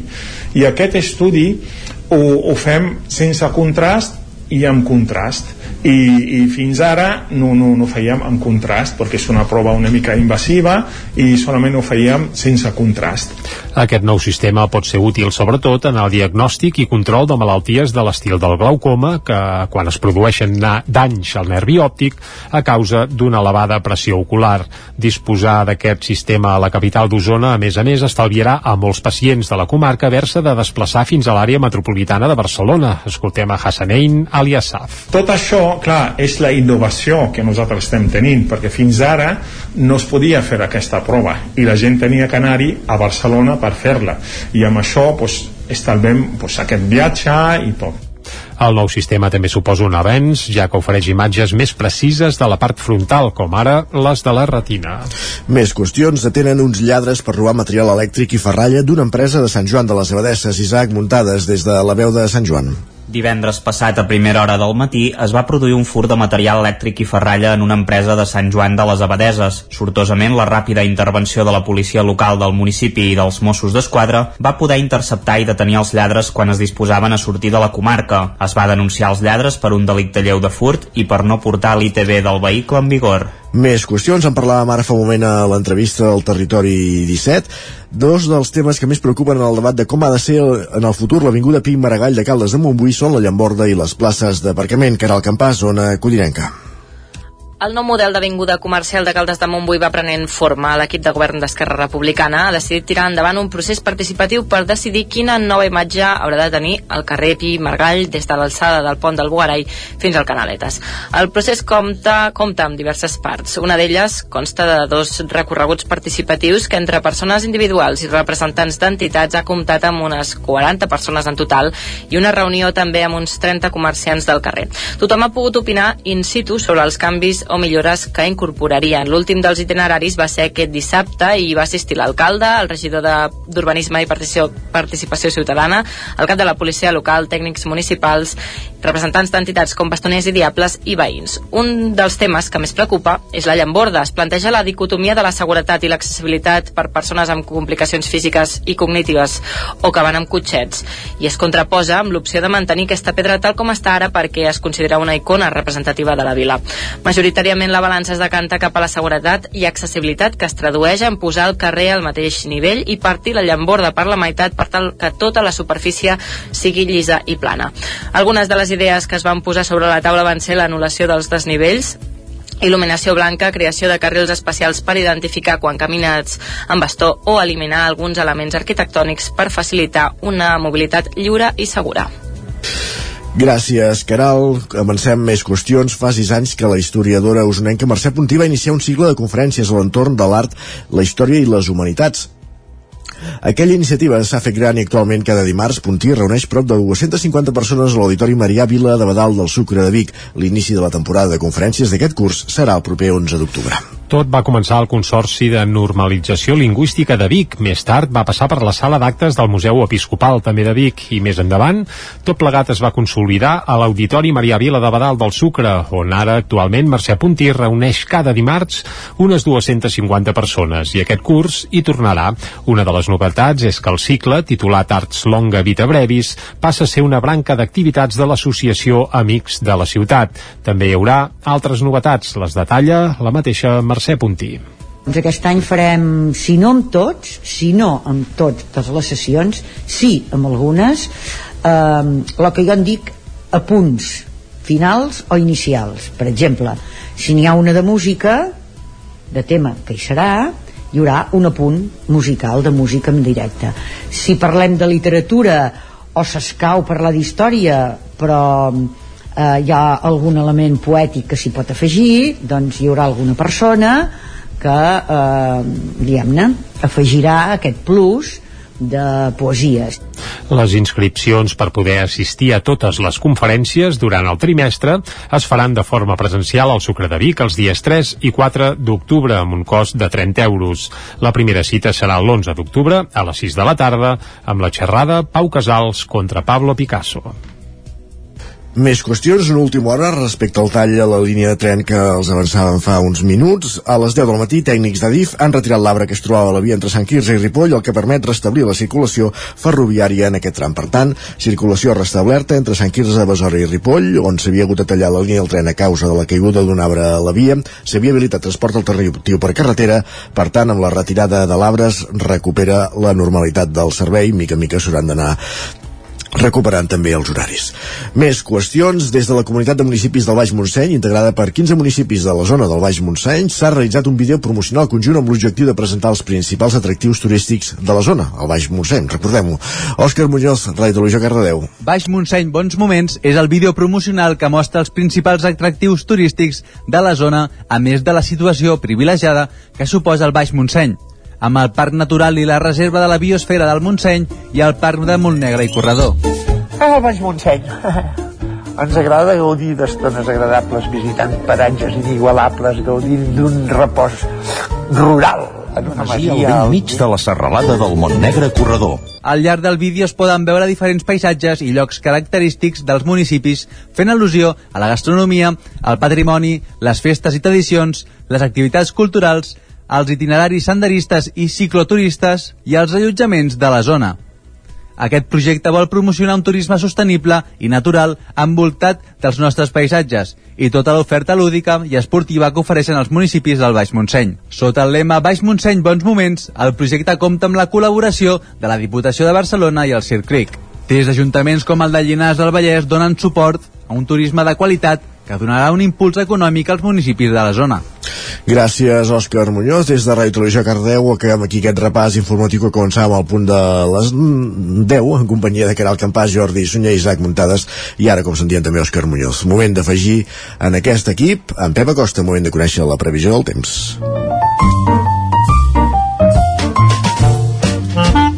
Casa Terradellos us ofereix el temps. Doncs va, a primera hora ja ens ha dit que s'esperava potser un pèl més d'aigua aquest cap de setmana en Pep, eh? Home, déu nhi eh? El patac que va caure divendres al vespre, si no us els expliquen els veïns de Prats, per exemple. Per exemple. 72 sí, sí, litres. o, o les lloses mateix, sí, sí. Uh, on per cert ara hi durà haver una llau de boletaires a partir del cap de setmana que ve, Compte. que també... Uh, Jo he menjat, una altra... no he menjat jo aquest cap de setmana de bolets vespre. Mm, jo també. Veus? Però no els he anat a collir jo. Ah, jo tampoc. Uh, procuraré fer-ho el cap de setmana que ve, però no direm ni on ni, ni res, eh? Però, però vaja, jo crec que pot ser una bona temporada, perquè fins ara s'ha comportat relativament bé pel que fa a l'aspecte boletaire, doncs el règim de pluges. Però va, no entrem pas en debats boletaires, anem a conèixer la previsió del temps amb en Pep Acosta, qui ja saludem de seguida. Molt bon dia, Pep. Hola, molt bon dia. I molt bona hora. Per fi, eh, jo aquest cap de setmana he dit he passat fred en, alguna, en algun moment. Carai, Després de això- tanta calor de, de l'estiu, passar una mica fred també està bé, eh? Ja tocava tant, passar una mica de fred. Però em queda l'espineta clavada de que em, eh, de que em pensava que hi havia pluges més generals, Volies més mica més, litres, eh, que, que, no, que no hagués fet el mal que ha fet a les comarques de, del sud, que ja sí que ha pogut moltíssim, més de 100, més de 100 litres, però jo m'esperava una mica més, no sé, uns 30-40 litres a, a totes les comarques, eh? una, una mica més de pluja general i no en forma de tempesta com vam tenir eh, al cap de setmana. Mm, però bueno, eh, és bo, és bo que, que vagi plovent, és bo que plogui i que es vagin acumulant litres, és bo per tot, per tot. Però això, m'esperava una mica és de, de, de, de, pluja general. Esperarem a altres dies, altres pertorbacions, aviam si aporten aquests litres que tanta falta fa Aviam. als embassaments i als boscos. Avui no, eh? Avui no aportarem litres, avui el que farà és una mica de fresc al matí, inclús fred en algunes zones interior, però el sol ràpidament sortirà, eh, serà una mica assolellat durant tot el dia, i a la tarda, a partir del migdia, creixeran nuvolades. Nuvolades més importants cap al nord, cap al nord d'Osona, també Ripollès, i no es descarta alguna precipitació. Precipitacions de caràcter eh, tormentós, eh, dèbils en principi entre 5 i 10 litres, i eh, cota de neu a 2.500-2.600 metres. Eh, poca cosa si és que arriba a ploure, eh, poca, poca, poca pluja, i bastant tranquil·litat en el dia d'avui. Les temperatures màximes pujaran una mica, la majoria entre els 22 i els 26 graus. Farà una mica d'ambient de suavitat a migdia, però no farà calor ni molt menys. I això és tot, a disfrutar el dia d'avui, a disfrutar d'aquesta setmana que comença, i esperem una mica més de, de canvis de cara a dimecres i dijous. Anem informant què, què passa, una mica de canvis, però que mm, no seran molt importants, però sí que poden portar una mica més de pluja. Aviam, aviam si és veritat i per una mica més. Moltes gràcies i fins demà. Adeu. Fins demà, Pep. Vinga, dimecres a dijous, potser més aigua. Doncs estarem pendents del cel. I tant que... I d'en Pep Acosta, I ara, I ara el que hem d'estar pendents és dels esports, som-hi. Casa Tarradellas us ha ofert aquest espai. Territori 17. Envia'ns les teves notes de veu per WhatsApp al 646 079 023. 646 079 023. WhatsApp Territori 17.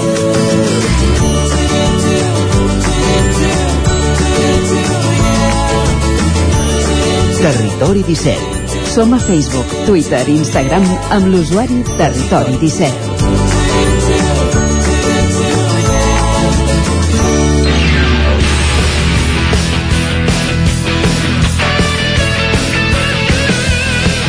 Un quart d'onze del matí, actualitat esportiva, ens posem al dia de com ha anat la jornada del cap de setmana pels equips de les nostres comarques, recorregut per les emissores del territori 17, roda que comencem a Ràdio Televisió Cardedeu, Òscar Muñoz, bon dia, benvinguts. Bon dia. Doncs bon dia i bon inici també del primer equip del, del Cardedeu a la segona catalana. Jugava aquest dissabte a casa contra el Llevaneres i va acabar amb un 4-0 al marcador. Primer partit de, de l'equip cardedeuenc a la, a la Lliga, a la segona catalana, ja que el primer doncs, va descansar, així que ara van segons d'aquesta Lliga. Bon inici del Cardedeu, on va haver-hi un altre així partit important, va ser dissabte al camp del Llinàs, a la tercera catalana. Teníem derbi important entre el Llinàs i el Cardedeu, normalment sempre hi ha eh, bons, bons partits en aquests dos equips. El, el, el partit va acabar amb el Llinàs va imposar per 3 gols a 2 al Cardedeu. El partit va ser una estira i arronsa tota l'estona fins al minut 89 que el Llinàs va fer el tercer per posar aquesta victòria a la tercera catalana anem al bàsquet. Eh, no ha sigut tan bon cap de setmana també pels equips que jugaven d'aquestes lligues. Eh, el Llinàs no va començar massa bé la segona catalana i va perdre per 56 a 73 va aguantar tot el partit eh, així també doncs, un nivell molt igualat però a l'últim quart doncs, van fer un desastrós parcial de més de 18 punts en contra. Així que doncs, Sembla el tercer quart del Barça i el Madrid.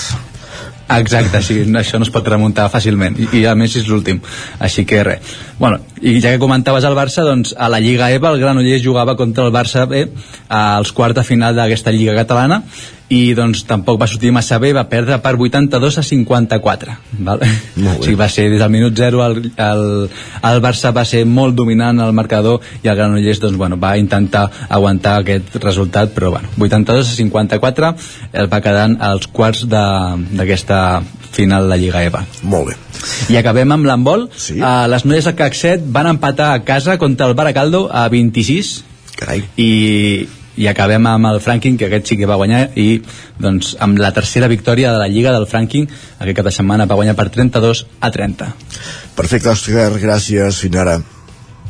Fins ara. Continuem aquest repàs informatiu, anem ara fins a una codinenca, aquest repàs de l'actualitat esportiva, que era el campàs, com ha anat pels equips de, del vostre entorn d'una codinenca. Mira, en hoquei molt bé i en futbol No tant. més o menys.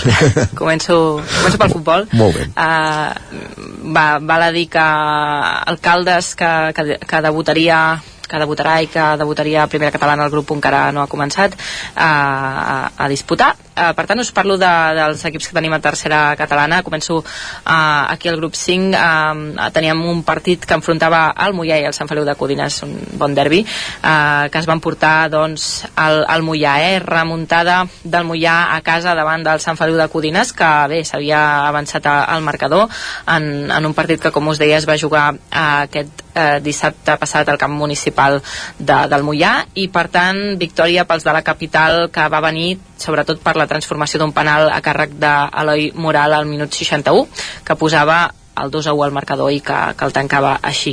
Uh, després teníem el Vigas també que va perdre davant el Tona per la, per la mínima amb un gol matiner de Marc Gallac al minut 11 i després el marcador ja no es va moure més, per tant a 3 punts, 3 punts pel Tona i el Vigas uh, doncs encara no ha pogut sumar. I finalment us parlo del Caldés que disputa tercera però al grup 7 uh, jugava a casa i va empatar dos contra el Fruitosenc per tant repartiment de punts. Uh, el Fruitosenc Baladís va arribar a posar per davant al minut 66 anaven 1 a 3 però el Caldés va remuntar posant el tercer al minut 78 i me'n vaig a l'hoquei, que com us deia tenim bones notícies.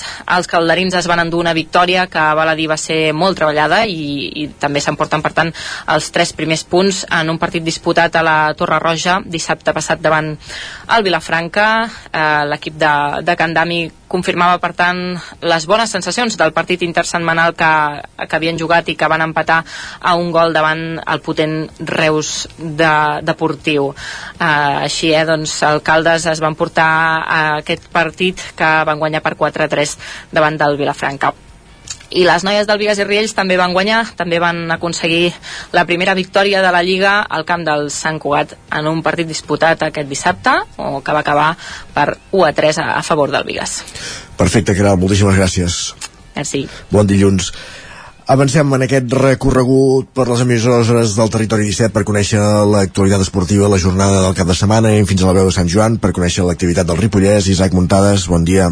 Bon dia, doncs comencem per futbol, si us sembla, i anem al grup 18 de la tercera catalana per parlar-vos del derbi entre el Camprodon i Can Davano, que evidentment eh, va començar amb un minut de silenci emotiu en record d'Anna Garcia, la noia assassinada al municipi de Can Davanolenc, el partit va estar una mica complicat per, per la pluja i els primers minuts de la primera part el porter Camprodoní Jaume va haver de treure aigua Uh, perquè el Canal va tenir ocasions, també en va tenir una Maideu, després el Camprodon va reaccionar, Planella i Abde i un xut al pal uh, van ser algunes de les ocasions que van uh, gaudir els, els locals, el marcador no es va moure fins a, a la segona part, Alaixi va fer l'1-0 després d'una recuperació de Planella en què no va fallar davant Esteve, el Camprodon va tenir una triple oportunitat per sentenciar però va ser el Campdevano que va empatar mitjançant en Guita gràcies a una errada defensiva.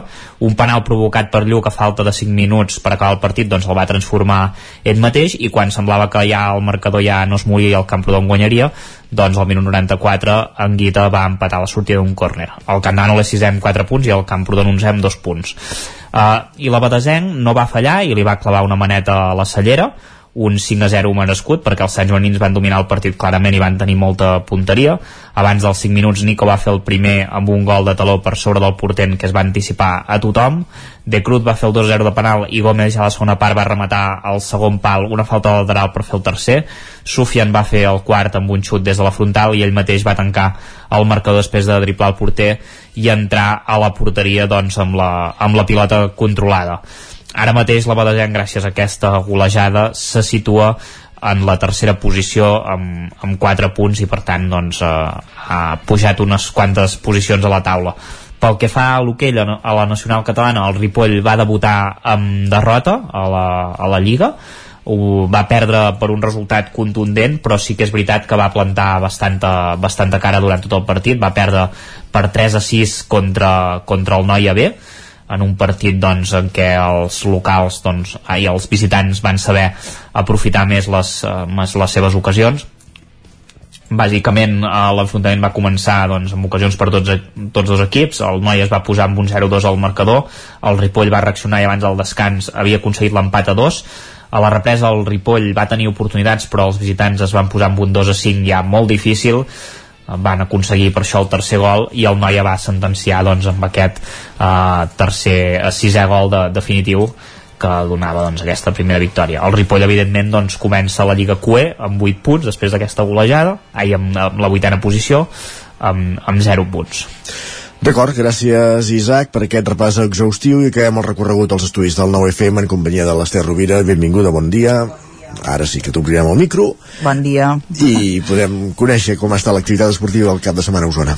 Doncs si et sembla comencem amb, amb hoquei amb una jornada que, que no ha estat bona per als interessos de, dels principals equips Caram. usonencs a l'hoquei Lliga el Voltregà es va encallar a Calafell eh, i va perdre per 4 a 2 eh, amb 3 gols de, de Martí Casas en dos minuts eh, que van doncs, condemnar els blanc i blaus que recordem que havien perdut els dos primers partits contra Liceu i contra Barça però que eh, entre setmana eh, contra l'Alcoi van poder fer un bon partit i, i sumar la, la primera victòria. Això a l'hoquei Lliga.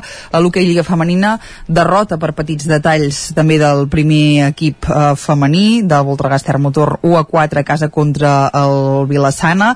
Hem de dir que ho hem explicat eh, ja que aquest nou Voltregà jove en creixement uh -huh. eh, va plantar cara però va caure contra, contra un dels equips cridats a ser forts i dels de dalt aquesta temporada, aquest Vilassana i també eh, va, va perdre el seu partit el Martinelli a Manlleu eh, en el seu cas a la pista del Mataró per 2 a 1 eh, perquè va topar doncs, amb un fort i efectiu Mataró a, a domicili i això li va impedir doncs, poder, poder sumar i de fet va ser una de les sorpreses de, de la jornada eh, a l'hoquei Lliga Femenina aquest cap de setmana aquesta derrota de, del Manlleu perquè com dèiem del Vilassana també és un altre dels equips grans de l'hoquei Lliga Femenina. I per últim a l'hoquei Lliga eh, a la Lliga, perdó, a la Lliga Lliga Catalana a Plata que s'està disputant aquests dies com a pretemporada. Eh, la notícia és que el Club Patí Vic s'ha classificat per la fase final eh, d'aquesta competició després de, de guanyar eh, aquest cap de setmana eh, el seu segon partit eh, contra el Vendrell per 4 a 2, mentre que el Taradell eh, s'ha quedat sense opcions d'arribar a aquesta part final de la competició perquè divendres a la nit va perdre el segon partit davant del Tordera per, per 5 a, a 2. Eh, deia per últim, però, però no, perquè hem de fer un apunt per acabar la, la part d'hoquei patins per destacar que eh, el jugador eh, Xavier Mangol i el porter Ian Garcia s'han proclamat aquest cap de setmana campions d'Europa sub-17 amb la selecció eh, espanyola. Després... Xavier Mangol és el fill, eh? Sí, fill de Petxi Armengol. Exacte. De fet... Eh, Perquè en Petxi sub-17 ara mateix no li veig. no, de fet, eh, a, a les xarxes eh, es fa dir Petxi Júnior, eh? Vull dir que sí, que, que és, és fill de, del seu pare, de, de l'exjugador Petxi Armengol, i, i això, una nissaga que, que continua amb, amb un fill que, que això que va estar seleccionat primer per ser en aquesta competició i que després doncs, ha, ha contribuït a, a aquest èxit. Com dèiem, això pel que fa a l'hoquei, en el cas de, del futbol, la notícia és que el Tona va empatar, però continua invicta en la seva estrena a la tercera federació, per tant, una molt bona notícia per al conjunt tonenc, nouvingut a, en aquesta categoria. Eh, històrica per, per ells, eh, on han arribat de, de mica en mica, d'ascens en ascens.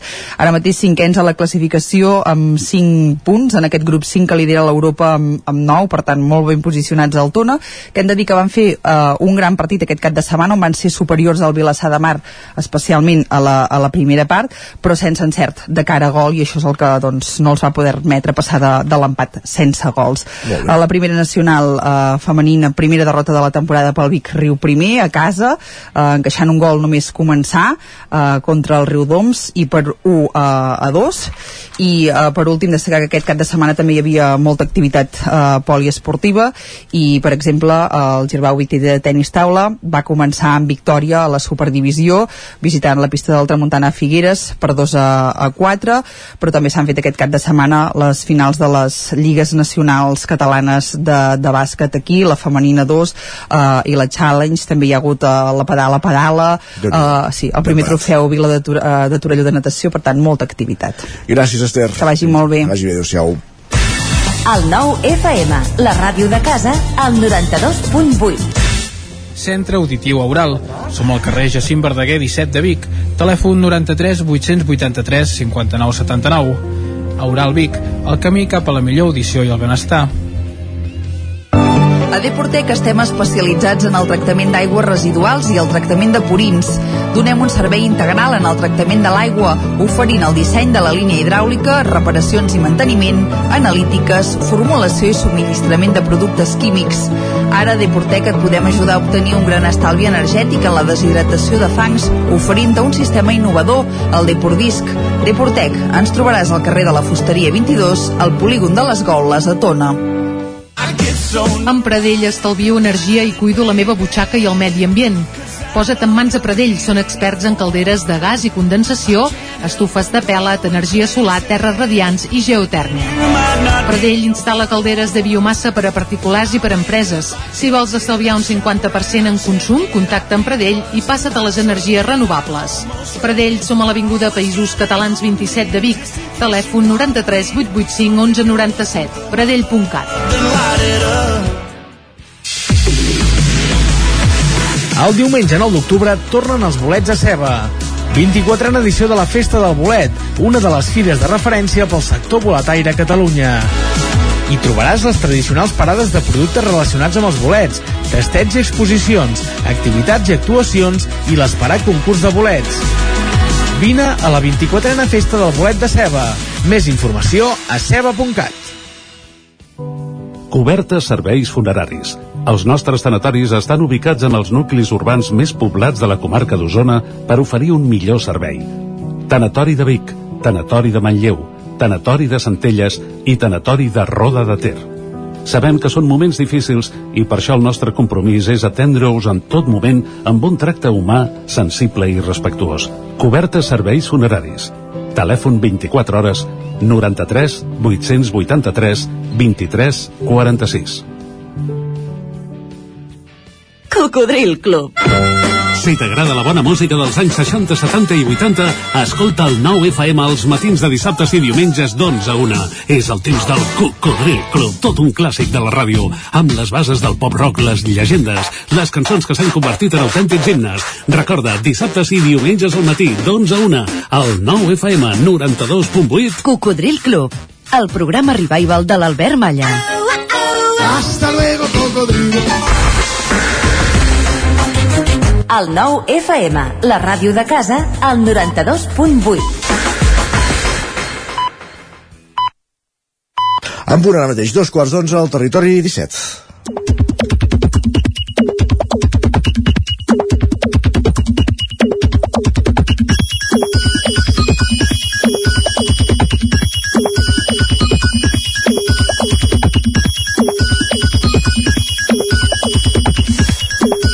Dos quarts d'onze, doncs va, hora Sánchez, Guillem, molt bon dia i molt bona hora i molt bon de tot. Tal, tot bé?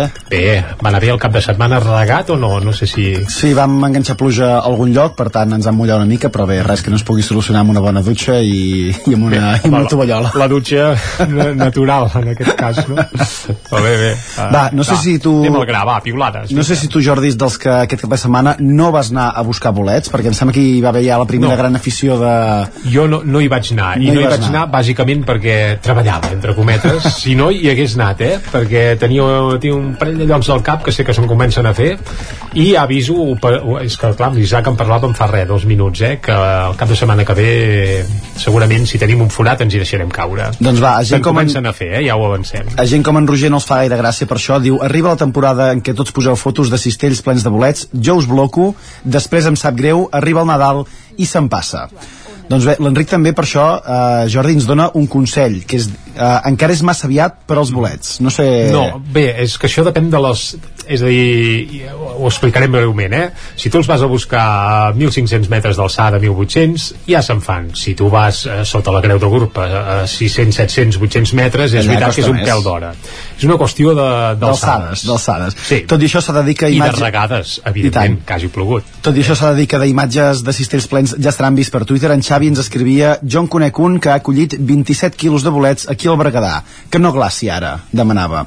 Home, Home. 27 quilos són molts, eh? Sí, eh, deixa'm dir també que hi ha gent eh, d'aquests que guarden fotos de l'any passat o de fa un parell d'anys, les pengen ara com si fossin de fa quatre dies i, i bé, que, que no tot I se n'aprofiten, i se n'aprofiten. Sí, sí, sí, aquí hi ha trampes, eh? Però va, el que justifica anar a buscar bolets és que després se'n puguin fer uns plats extraordinaris. En destacarem només una de les mils de receptes que s'han donat a conèixer aquests dies a través de les xarxes. L'Albert ens escriu fideuà d'ànec i bolets. Només l'olor ressuscita ja un mort. Doncs home, una bona fideuà amb ànec i amb, i amb bolets eh, és una gran excusa eh, per anar-ne a buscar. I per acabar amb aquesta qüestió, una gran reflexió de l'Èric. No sé si alguns dels nostres oients s'hi han sentit identificats o no. L'Èric ens escriu en una barra de tasca escoltes molts companys per la vora. Un li diu a l'altre, què fem al cap de setmana? Diu, sortim o no? I la resposta és, mentre les 7 del matí sigui aquí, he quedat per anar a buscar bolets, la valentia del jovent, aquella que tots necessitem en qualsevol moment. Doncs bé, anar a buscar bolets és afició nacional, és afició Home, catalana, I tant, i tant, i genuïna. i, I, també s'ha de dir que sembla que qui no n'hagi anat a buscar en tota una temporada eh, no acabi de ser un bon, un, un bon català, diguem-ho així. No hi he anat mai. No hi has anat mai, Isaac? Isaac, no fotem, no fotem. No pot ser, eh? No Doncs pot sí, ser. és. No pot bueno, ser. res, molt testimonial, una vegada, però molt d'allò. No, doncs no. va, haurem de fer una, una sortida un dia al territori O- o- 17 o per, anar, no. per anar a buscar bolets, no? Uh, bé, a vegades això en podríem parlar, eh? No, no, però, però sí, sí, es pot fer, es pot fer. Va, i ara que parlàvem de gastronomia, l'última d'avui, aquesta usuària, que també és molt clara, ens diu el meu company cuina i ho fa molt bé. Jo sé fer truita de patates i poc més. Avui el company ha fet per primer cop truita de, pat truita de patates tal com l'ha posat a taula, ja que jo li he dit jo plego, sóc molt bona recollint la cuina. Doncs bé, no sé si aquesta truita de patates també portava algun bolet pel, pel Ui, mig, ui. però, però bueno, uh, tu, dies de bolets, dies de moltes receptes i dies de, és a dir, de molts plats i de, i de moltes idees per poder plasmar. Truites i bolets. Truites i bolets. Guillem, quedarem per anar a buscar bolets, sí? Quan vulguis i on vulguis, però que sigui una mica més tard de les 7 del matí. No, això ja està garantit. Això, abans de les problema. 9 tampoc m'hi poso. Home, no, cap problema. Doncs va, doncs fins vinga, ara. salut. Uh, cop d'ull a les portades del 99.cat abans d'anar cap a la tertúlia esportiva. Comencem per l'edició d'Osona i el Ripollès, que ara mateix obre explicant que Roda de Ter està a punt d'adjudicar 8 pisos de lloguer assequible. També veiem la imatge de l'autobús encallat a mig camí a la carretera de Sant Pere de Casserres, n'hem parlat, i la fotografia, bé, eh, fa, fa riure, perquè ens hem d'enganyar, però la situació pels que s'hi van trobar doncs segurament no, no em fa tant de riure. I també hi apareix que Vic regularà a través d'una aplicació mòbil el temps d'aparcament al centre històric. Anem cap a l'edició del Vallès Oriental del 99.cat, que ara mateix senceta uh, bé, ara mateix està carregant per tant no la podem ara sí, la reobertura de Sant Miquel del Fai es farà a finals de la tardor. Recordem-ho, aquest espai que és fantàstic i més quan ha plogut que fa un goig espectacular, porta més d'un parell d'anys doncs, eh, tancat. Doncs sembla que a finals de la tardor començarà a reobrir a rebre visites. També hi trobem que Isaac Morera deixa la direcció artística de Vilamagore Medieval i també la unitat de pal·liatius de l'Hospital de Granollers ha atès 6.250 famílies en 25 anys i és que estan d'aniversari a la unitat de pal·liatius de l'Hospital de Granollers per molts anys, per cert Perfecte, doncs dit tot això, moltíssimes gràcies. El que fem, com deies tot seguit, és anar cap a la tertúlia esportiva.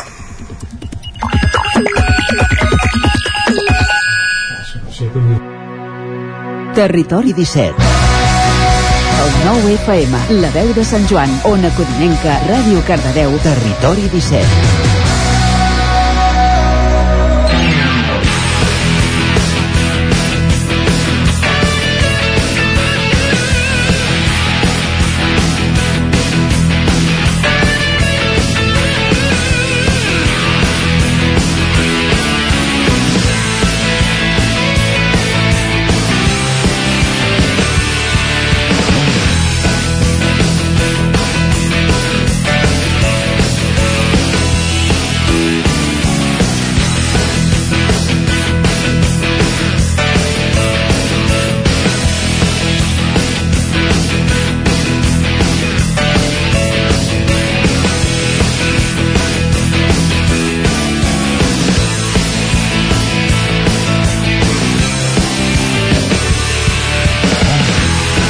Doncs com dèiem, moment d'entrar a la tertúlia esportiva, avui en companyia, quan tothom sigui a l'estudi es posi els auriculars, eh, va, Guillem Sánchez, benvingut. Què tal? Lluís de Planell, benvingut. Bon dia. I entra a l'estudi també l'Agustí Danés, eh, moment de parlar de l'actualitat esportiva en, una jorn en un cap de setmana on no hi ha hagut lliga de futbol, eh, no sé si, si això ha alterat molt els vostres plans, heu tingut més temps per fer altres coses o heu mirat futbol d'altres lligues igualment. En fi, eh, un cap de setmana, eh, una setmana també, com dèiem, sense jornada i mercat eh, a Can Barça per allò que en diuen el virus FIFA. No sé quants jugadors han tornat eh, a la infermeria. En fi, eh, com, com esteu veient tot plegat? Qui comença? Hosti, el jefe, no? Sí, jo he de començar.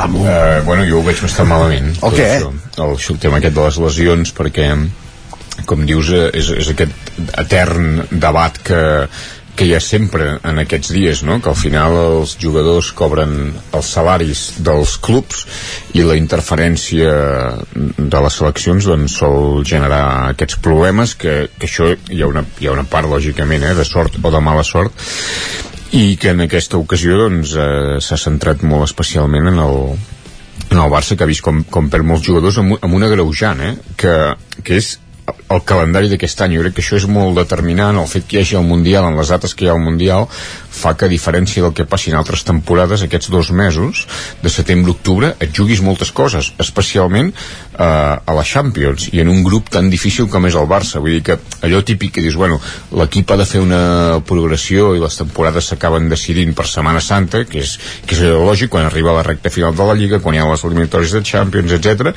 en aquest cas no és així perquè en aquests dos mesos et jugues molt i en un grup dic complicat com és el Barça necessites eh, bueno, aclarir-ho i lògicament passar aquesta fase de grups i aquestes lesions És que si, si ja no fas una bona feina se t'acaba la Champions fins a la temporada que ve, si, no, si no et classifiques és ja. això, no? Per tant, jo crec que és un problema gruixut pel, pel Barça, aquestes, aquestes lesions, aquesta acumulació de lesions, i és clar, aquesta part de mala sort, aquesta vegada li ha tocat al Barça. De totes maneres, si jo em pregunto les lesions musculars, una altra cosa són eh, els cops i, i, i alguna fractura que es pot haver-hi en una jugada més o menys fortuita. Les lesions eh, musculars es, es produirien igual jugant amb la selecció que jugant amb el club. que això no ho sabem potser si no haguessin Clar. jugat seleccions i haguessin jugat partit de Champions o d'alguna altra competició també s'haurien pogut lesionar amb això hi estem completament completament Sí, d'acord però tampoc ajuda que el calendari això sigui tan atapeït i que eh, s'aprofitin totes les dates a les seleccions per jugar aquestes competicions que jo tampoc acabo d'entendre. De fet eh, amb les eh, aplicacions on surten els resultats eh, les han de fer tan, tan, tan llargues per saber si Espanya juga al, al, grup A, al grup B, al grup C a la Lliga, si puja, si baixa, si no sé què eh, havent-hi Mundial i Eurocopa. No sé si val la pena encara anar generant eh, competicions d'aquestes no sé si dir-ne falses o no falses per tornar a veure un Espanya-Portugal que s'ha vist 400 vegades els, els últims eh, 5 anys o una Anglaterra-Itàlia o partits que sí que estan bé però eh, que tampoc mm, necessiten de veure's cada, cada dos, dos, dos mesos Jo no vaig veure el partit, però eh, sí, vaig llegir els diaris, els titulars com a mínim, eh, de la premsa esportiva, i algun destacava, o sigui, estava preocupat per, per Qatar. O sigui, que el- la derrota contra el Sevilla, vai, el, contra Suïssa, va, eh, tenia una importància relativa.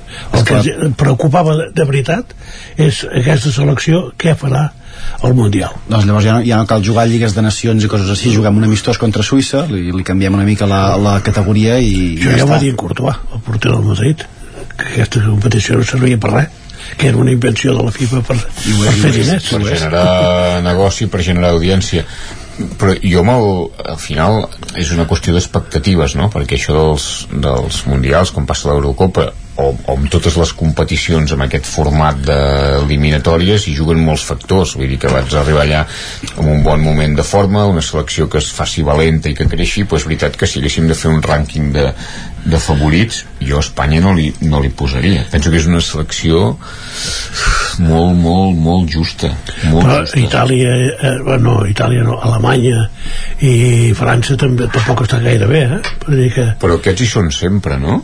Vull dir que al final... Estan bé ara, ja veurem si d'aquí un mes i mig o jo- dos però, que- però Espanya, la selecció espanyola, no sé, em fa la sensació que, que no té els, els elements necessaris almenys per situar-se en, el, en el punt de partida com un dels favorits, principalment pel que fa al gol. Sí. I que has de tenir, has de tenir un, un davanter centre o algú que, que faci gols. que no se sap qui és de moment a la selecció espanyola Per això dic, no?, que al final no, no crec que tingui els elements. Llavors hi ha altres factors, sempre penso en, en l'Eurocopa aquella famosa del 2004 de, devia ser de, de Portugal, que la va guanyar Grècia, Sí, no? sí, Vull dir sí, que les cases, no sé llavors si hi havia apostes en línia o no, però si, si hi havia apostes en línia i algú va apostar un euro a Grècia, avui, avui és milionari encara, encara en viu, no? Perquè allò, per tant, po- poden passar aquestes coses, però eh, és, és difícil. L'altra cosa és que, ja dic, eh, no, no puc jutjar perquè no vaig veure el partit, però veus l'alineació i veus que els tres puntes són jugadors que no són titulars en els seus equips. I llavors penses, eh, Luis Enrique que eh, està, està per sobre de, de tot i de tothom. Bueno, perquè sí. si, si el Xavi no hi posen Torres, l'Ancelotti no hi posen l'Asensio, i en, en Saràbia tampoc juga, llavors mm, Home, és un des titular. de la selecció sempre s'ha eh, dit o s'ha explicat que Luis Enrique li agraden fer aquestes convocatòries així una mica, ja no diria estranyes perquè tothom té el dret de triar qui vulgui més si estàs amb el càrrec de seleccionador encara, encara més i de fet et paguen per, per això però aquesta suposada meritocràcia que et pot donar l'entrada amb un equip, amb una selecció per jugar dos partits de classificació, dos partits d'una copa inventada o quatre o cinc partits d'un mundial fer-ho amb jugadors que no estan en dinàmica de jugar és una mica complicat d'entendre. Jo en el cas concret de la selecció espanyola el que no entenc és jugadors com Iago Aspas que estan volant literalment amb els seus equips no tenen, no hi ha l'oportunitat de jugar de titular sinó d'anar convocats amb, amb una selecció que suposadament li falta gol i s'està demostrant que li falta, mm. que li falta gol jo estic d'acord, però penso que ell també encara està fent proves segurament, no? encara que falti molt poc pel Mundial però vull dir, el mateix fet de, de convocar el Borja Iglesias no, sí, aquest, que, aquest perfecte i, i que és un perfil és un perfil, és un jugador que, que potser no, no té nom en el sentit que no ha jugat amb cap de, dels grans però és un jugador que ha picat molta pedra i que té unes condicions físiques Digue-ho, Agustí, és el, és el Dani Guiza de... I té unes condicions físiques no? o el, o el, o, o el, o el Llorente en el, el Llorente, jo, jo a mi em sembla més el Llorente no? un jugador que, que per jugar de davanter centre, per descarregar pilotes bueno, que va bé de cap és un jugador que... I per tocar una mica la...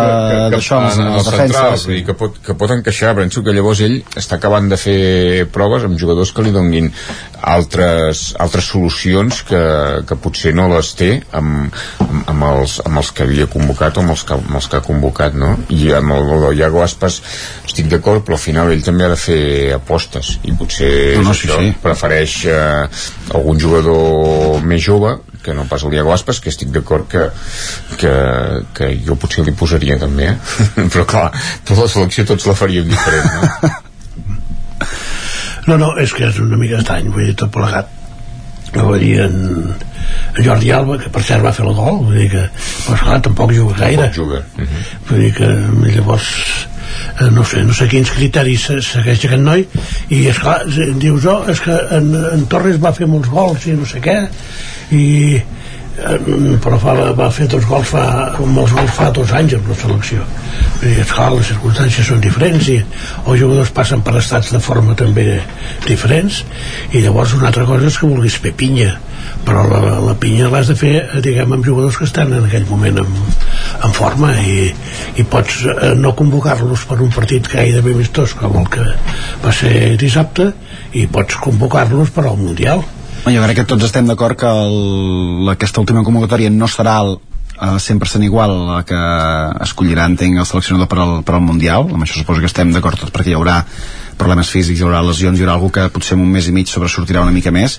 Però, però clar, si, si vols fer proves s'acaben les dates també i s'acaben els marges de... Sí, sí, és que aquest, aquest és el tema. Al final eh, queda poc però m'imagino que el seleccionador doncs, té una, una borsa Eh, de jugadors, no? que hi ha, hi ha un grup que és molt clar que hi seran i després, bueno, altres que, que, pot, que pot dependre també el Mundial també dona pel que dona vull dir que al sí, final sí, no, una convocatòria molt àmplia i pots convocar 23 i n'hi haurà 7 que no jugaran i acabar jugant 3 partits, no? que són els de la, els de la primera, els de la primera fase, no? vull dir que, que tampoc no sé, jo si hagués de fer un, un rànquing no, no la posaria ni entre les 4 ni entre les 5 favorites però... En Joaquín, el del Betis que ja sabeu que és de la conya. Quan, quan va li van dir que era davant que havien convocat en Borja li va dir, hosti, com està la, la tomatera espanyola si, si et convoquen a tu? I, i no sé si és un, en el fons té una mica de raó. Però, doncs a mi em sembla bon jugador eh? A mi em sembla un, un, un, bon, un bon jugador i... bon complement per l'equip però, sí. però no sé si per una selecció una selecció en teoria té, té els millors però, però de, depèn amb qui el comparis no? Vull dir, uh, Morientes és un, un nou clàssic però, però, però, però Morientes està retirat no, clar, si has de mirar davant... que, no, si has de mirar davanters espanyol... no poden pas convocar, ara. Vull dir que, que el, el, Albert en Borja Iglesias s'hauria de, de comparar amb el Morata per exemple. Okay, dins, de, dins de la categoria no? davanters nascuts a Espanya que fa 5 gols... No uh... dir Morata, eh? Vull dir que no. no, però, però és que... Morientes. És, és, que, és, clar, és que ja fa dies, sí.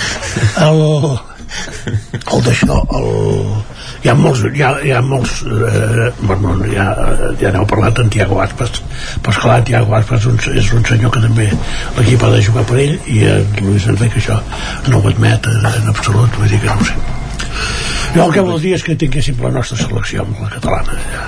I Andorra no? Amb en Piqué portant el Barcelet. Aquest, aquest és un altre debat, eh, però és, és llarg aquest, aquest, aquest no, no, no, gaire, de llarg sí, sí que és llarg, sí. Perquè, perquè el que va serà llarg que la tinguem. Perquè fa temps, fa temps que dura i, i no sembla que, que hi hagi una solució a la curta. De, de fet uh, fins i tot s'ha perdut una mica, no? Aquell, aquell, aquell, aquell caliu, aquell, sí. sí i, i, el partit que hi havia, no? Vull dir, hi, hi va haver uns anys que Catalunya jugava contra el Brasil, ho recordeu? Contra el Brasil. Amb Argentina era, no? Home, uh, els que hem anat a cada partit de la selecció ja hem vist una vegada perquè esclar, el nou camp es va omplir contra Brasil i contra Argentina ui, això són paraules molt sèries no? però és una altra història això. I esclar, ara últimament ha estat en Montilivi contra seleccions com Venezuela i, i altres de segona fila. O de, o de, o de tercera i tampoc eh, per part dels mateixos futbolistes mmm, també a vegades fa la sensació que, que potser una convocatòria d'aquest tipus gairebé fa nosa no? aquests futbolistes els que estan amb, els que estan els futbolistes que estan amb dinàmica competitiva top no? això que diem de Champions eh, eh, seleccions tal pf, anar a jugar un partit eh, amb la selecció catalana van, van de festa vull dir, una altra història. O sigui, no, no, no jo diria que en aquests moments no s'ho agafen bueno, s'ho agafen com ha de ser un, un, una, una festa una, pseudo esportiva una festa social. Que el partit és el, és el menys important exactament i aquí el, el que s'hi val són les altres coses vull dir que em refereixo que és un tema que ara mateix no sembla que estigui en el, jo no el veig en l'agenda no? i Home, no, el tema de dir això, la Champions, el Mundial, la selecció catalana no, si els polítics no, no, no, no, per... no, no, no està, és un tema que no, però i els aficionats tampoc no? I, i no és un tema que estigui a, a l'agenda i que aquí la gent estigui esperant a veure quin dia juga la selecció catalana jugarà, no. jugarà quan jugui i, i, i, i, i, quan, i quan jugui si es fa Montilivi ja, hi, ja hi anirà gent però no és un tema però sense esperit més enllà del no, propi no. partit i de veure jugadors potser que no estàs acostumat a veure de prop i ja està. Jo, jo hi aniria si jugués la selecció catalana en no, partit tu, de competició. tu, bueno ja hi vaig amb, el, amb els amistosos doncs imagina't amb competició no, tu i molts però vull dir que no em sembla que sigui un tema ara bueno, ara per, per descomptar que hi ha, hi ha el Mundial, la Champions tal, no? i no sé quan està previst un partit, a vegades era per Nadal no? o, o... no, per Nadal i llavors ara el van passar a l'estiu ara el van fer el, que, el mes de juny o... no, és, és, és que més aquest, aquest Nadal que em sembla que si no tinc mal entès el mateix 31 de desembre o l'1 de gener crec que hi ha partits Lliga, no? crec que hi ha, hi ha partits ja deuen faltar dates per, per tot també les dates del Mundial despisten una mica aquest any, eh? Vull dir que fins i tot amb, a vegades aquella, aquella, aquella no sé, aquell record històric que tens, no?, de l'estiu, dels partits, etc. Ara el, el novembre, que és, que és una època, bueno, de... de trista, de... diu, hosti, diu, trista. No, de, i, de, i de feina, la gent té feina, vull dir, no? Com ho farem, això, Lluís? Com ho faràs? tu estàs jubilat però sí, no, no tinc cap problema miraràs els partits a la tarda o a la tarda mirar del partits Mundial? sí. ah no, però... els miraràs tots no m'interessa pas el Mundial la veritat és que no, no dan fet a l'hora que juguin perquè no és que no, no, no no li trobo, no li trobo el seu cos. O sigui, li trobaria si tingués això si tingués, o sigui, jo si fos de... Però un futbolero com tu no t'agrada veure un Brasil contra qui sigui això, que ah, Brasil-Argentina ah, o Alemanya contra el Camerún que no sé si és el Camerún jo, jo que soc, no, no soc tan jove com vosaltres vaig anar a Sarrià a veure Argentina a Brasil i Argentina-Itàlia eh, dic bé Argenti, eh, Brasil-Itàlia Brasil, sí, sí. Brasil-Itàlia dos, dos partits. Argent, aquest, aquest o no? Això és important eh? Argentina-Brasil segur. No, i Brasil-Itàlia, l'important és aquest. Sí, jo, també, jo diria que sí que Brasil-Itàlia també. 3 a 2 i amb en Maradona de fent de, de, de, de, de nen jove vull dir que esclar vull dir, de, de, o sigui ja m'interessa veure segons quins partits. Si em dius Argentina-Brasil doncs segurament sí que m'interessarà veure-lo. Però eh, però aquest hauries d'aclarir-ho eh, si vas anar a veure el Brasil Itàlia perquè tres gols en Paolo Rossi perquè això és, és, és, és sèrio, eh? Sarrià, de fet sí va ser Sarrià. No, no, jo el que recordo és la, la, la Tòrcia, es diuen els, els del Brasil, celebrant, bueno, celebrant així, tot. Així, així és que miraves tu futbol o, home, una mica tot perquè les brasileres no, no, no home eh, no n'hi havia no, no, no gaire, no gaire, més, més aviat brasileños. no, no, però va estar molt bé. eh? Vull dir que el, el Sarrià vaig veure bon futbol en blanc i blau i vaig veure aquest, aquest Mundial 82 eh, més acreditat per premsa vull dir que estava en unes condicions molt favorables molt, va, eh, em va agradar molt ara ja dic, una cosa és en directe en, i en aquelles circumstàncies i l'altra és, és, és això altre I ara potser em costaria posar-ho per, la, per la tele i tot, eh? De, si hi hagués un partit així per la tele, buscar el comandament i, i clicar al canal on facin aquest, aquest partit, eh? Perquè també aquest cap de setmana, amb això, amb la Lliga aquesta de les Nacions, hi havia partits tots els dies i totes hores, em sembla vaig enganxar mitja hora d'Espanya i, i era per tancar la tele i anar cap a, però aquells partits eren mítics, és el que diu en, en Lluís, eh? I el, i el partit aquest de Sarrià del Brasil-Itàlia és, és tremendo, I, i això en Lluís se'n recordarà, perquè una vegada n'havíem parlat, que, i penso que és aquelles coses, alguna vegada ho hem explicat al, al 9-9, eh? però eh, com que la selecció del Brasil eh, estava per aquí, per Catalunya, diguem, abans de, de començar el Mundial, i les circumstàncies eren diferents d'ara, buscaven equips que fessin d'sparring per, per, per fer partits d'entrenament. I va jugar contra el Vic no? em sembla la nova Creu Alta.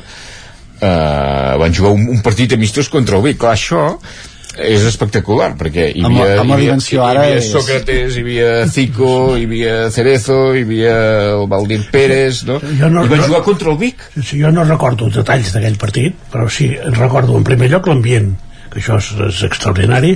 Llavors el futbol, que, que tots els equips jugaven molt bé, tenien, per, per ser l'època que era, vull dir, ara els jugadors eren més tècnics, però llavors, diguem, els tècnics eren, eren uns quants i gairebé els tenien tots els Tots, brasileños sí, i, els, sí, sí, i els argentins.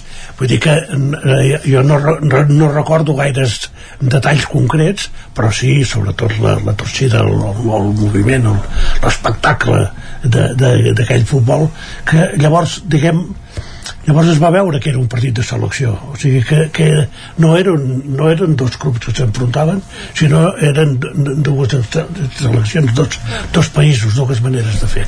I em va quedar més això que no pas els, els detalls d'aquests En una època en què, clar, eh, per la tele no veus 350.000 partits cada, cada setmana, per tant, té més sentit eh, anar als camps, omplir els camps, fer ambient, eh, conèixer la gent i mirar la grada i mirar el camp. Ara, per mirar més de 5 minuts seguits un, un partit de futbol i no estar mirant el mòbil o fer una mica de, de zapping costa, no, també, és, costa ve- molt. també és veritat que veure un partit a- el camp sigui el partit que sigui o veure'l per televisió no té, no té color evidentment Dir que des d'aquest punt de vista em, això, o sigui, po- potser això fos a, allà en, en, en els camps de, on jugat el Mundial entre altres coses per no saber què, què més fotre en aquest país m'aniria a veure els partits no? però mm, i, i, i potser oferíem més d'interès que no pas els que puguin oferir però el Mundial sempre és, televisió. sem, sempre és interessant no? jo penso que al final és això hi ha, hi ha tota aquesta primera fase que, que poder a vegades eh, hi ha partits més exòtics en el sentit que, que les diferències de nivell entre els europeus i sud-americans i la resta doncs són com molt marcades no? però després eh, i això té una part de gràcia també perquè sempre descobreixes el, algun Ah, sempre hi ha històries o jugadors que sobresurten alguna selecció que no? te, ningú tenia clissada excepte els que són d'aquella zona que l'han tractat més Per tant, això sempre passa i després el, les eliminatòries és, és una part molt divertida. El que em, és el tema aquest de les dates, no? Que són No fa ambient de Mundial. Que poder no, No fa- pots fa prou atenció com, com passa el, el mes de juny, que llavors és molt, és molt autèntic, no? Però bueno, ho viurem, també ho viurem. en lloc d'una cerveseta amb un cafè amb llet o amb una tila i... També, i, amb- no, i, i amb distància vull dir, al final de- d'acabar-s'ho mirant com el que és, que és un, un, un espectacle, un espectacle no? els europeus presumim de tenir el millor futbol i la final la poden jugar dos sud-americans perfectament no, no sol passar, no? Però... sí, però aquest any Fem una porra, molt, molt ràpida. Va, ràpid. El campió? Sí. Ja? Brasil. Sí. Di- Doncs jo, eh, jo, jo no. Jo Angla- Anglaterra. Doncs queda dit. Brasil, Brasil, Anglaterra, la porra del Mundial d'aquest any, encara de començar, encara falta algun dia, però ja tenim la porra feta. Agustí Danés, Lluís de Planell, Guillem Sánchez, gràcies, un plaer sentir aquests tres futboleros parlant de futbol tots sols perquè la cosa ha anat fluida. Moltíssimes gràcies. Adéu. Adéu. I amb la tertúlia esportiva que hi ha al territori 17 d'avui dilluns 26 de setembre de 2022. Us hem acompanyat des de les 9 del matí Pepa Costa, Laura Serrat, Caral Campàs, Isaac Muntades, Òscar Muñoz, Esther Rovira, Guillem Sánchez, Lluís de Planell, Agustí Danés, Jordi Sunyer i Isaac Moreno. I tornem demà a partir de les 9. Bon dia.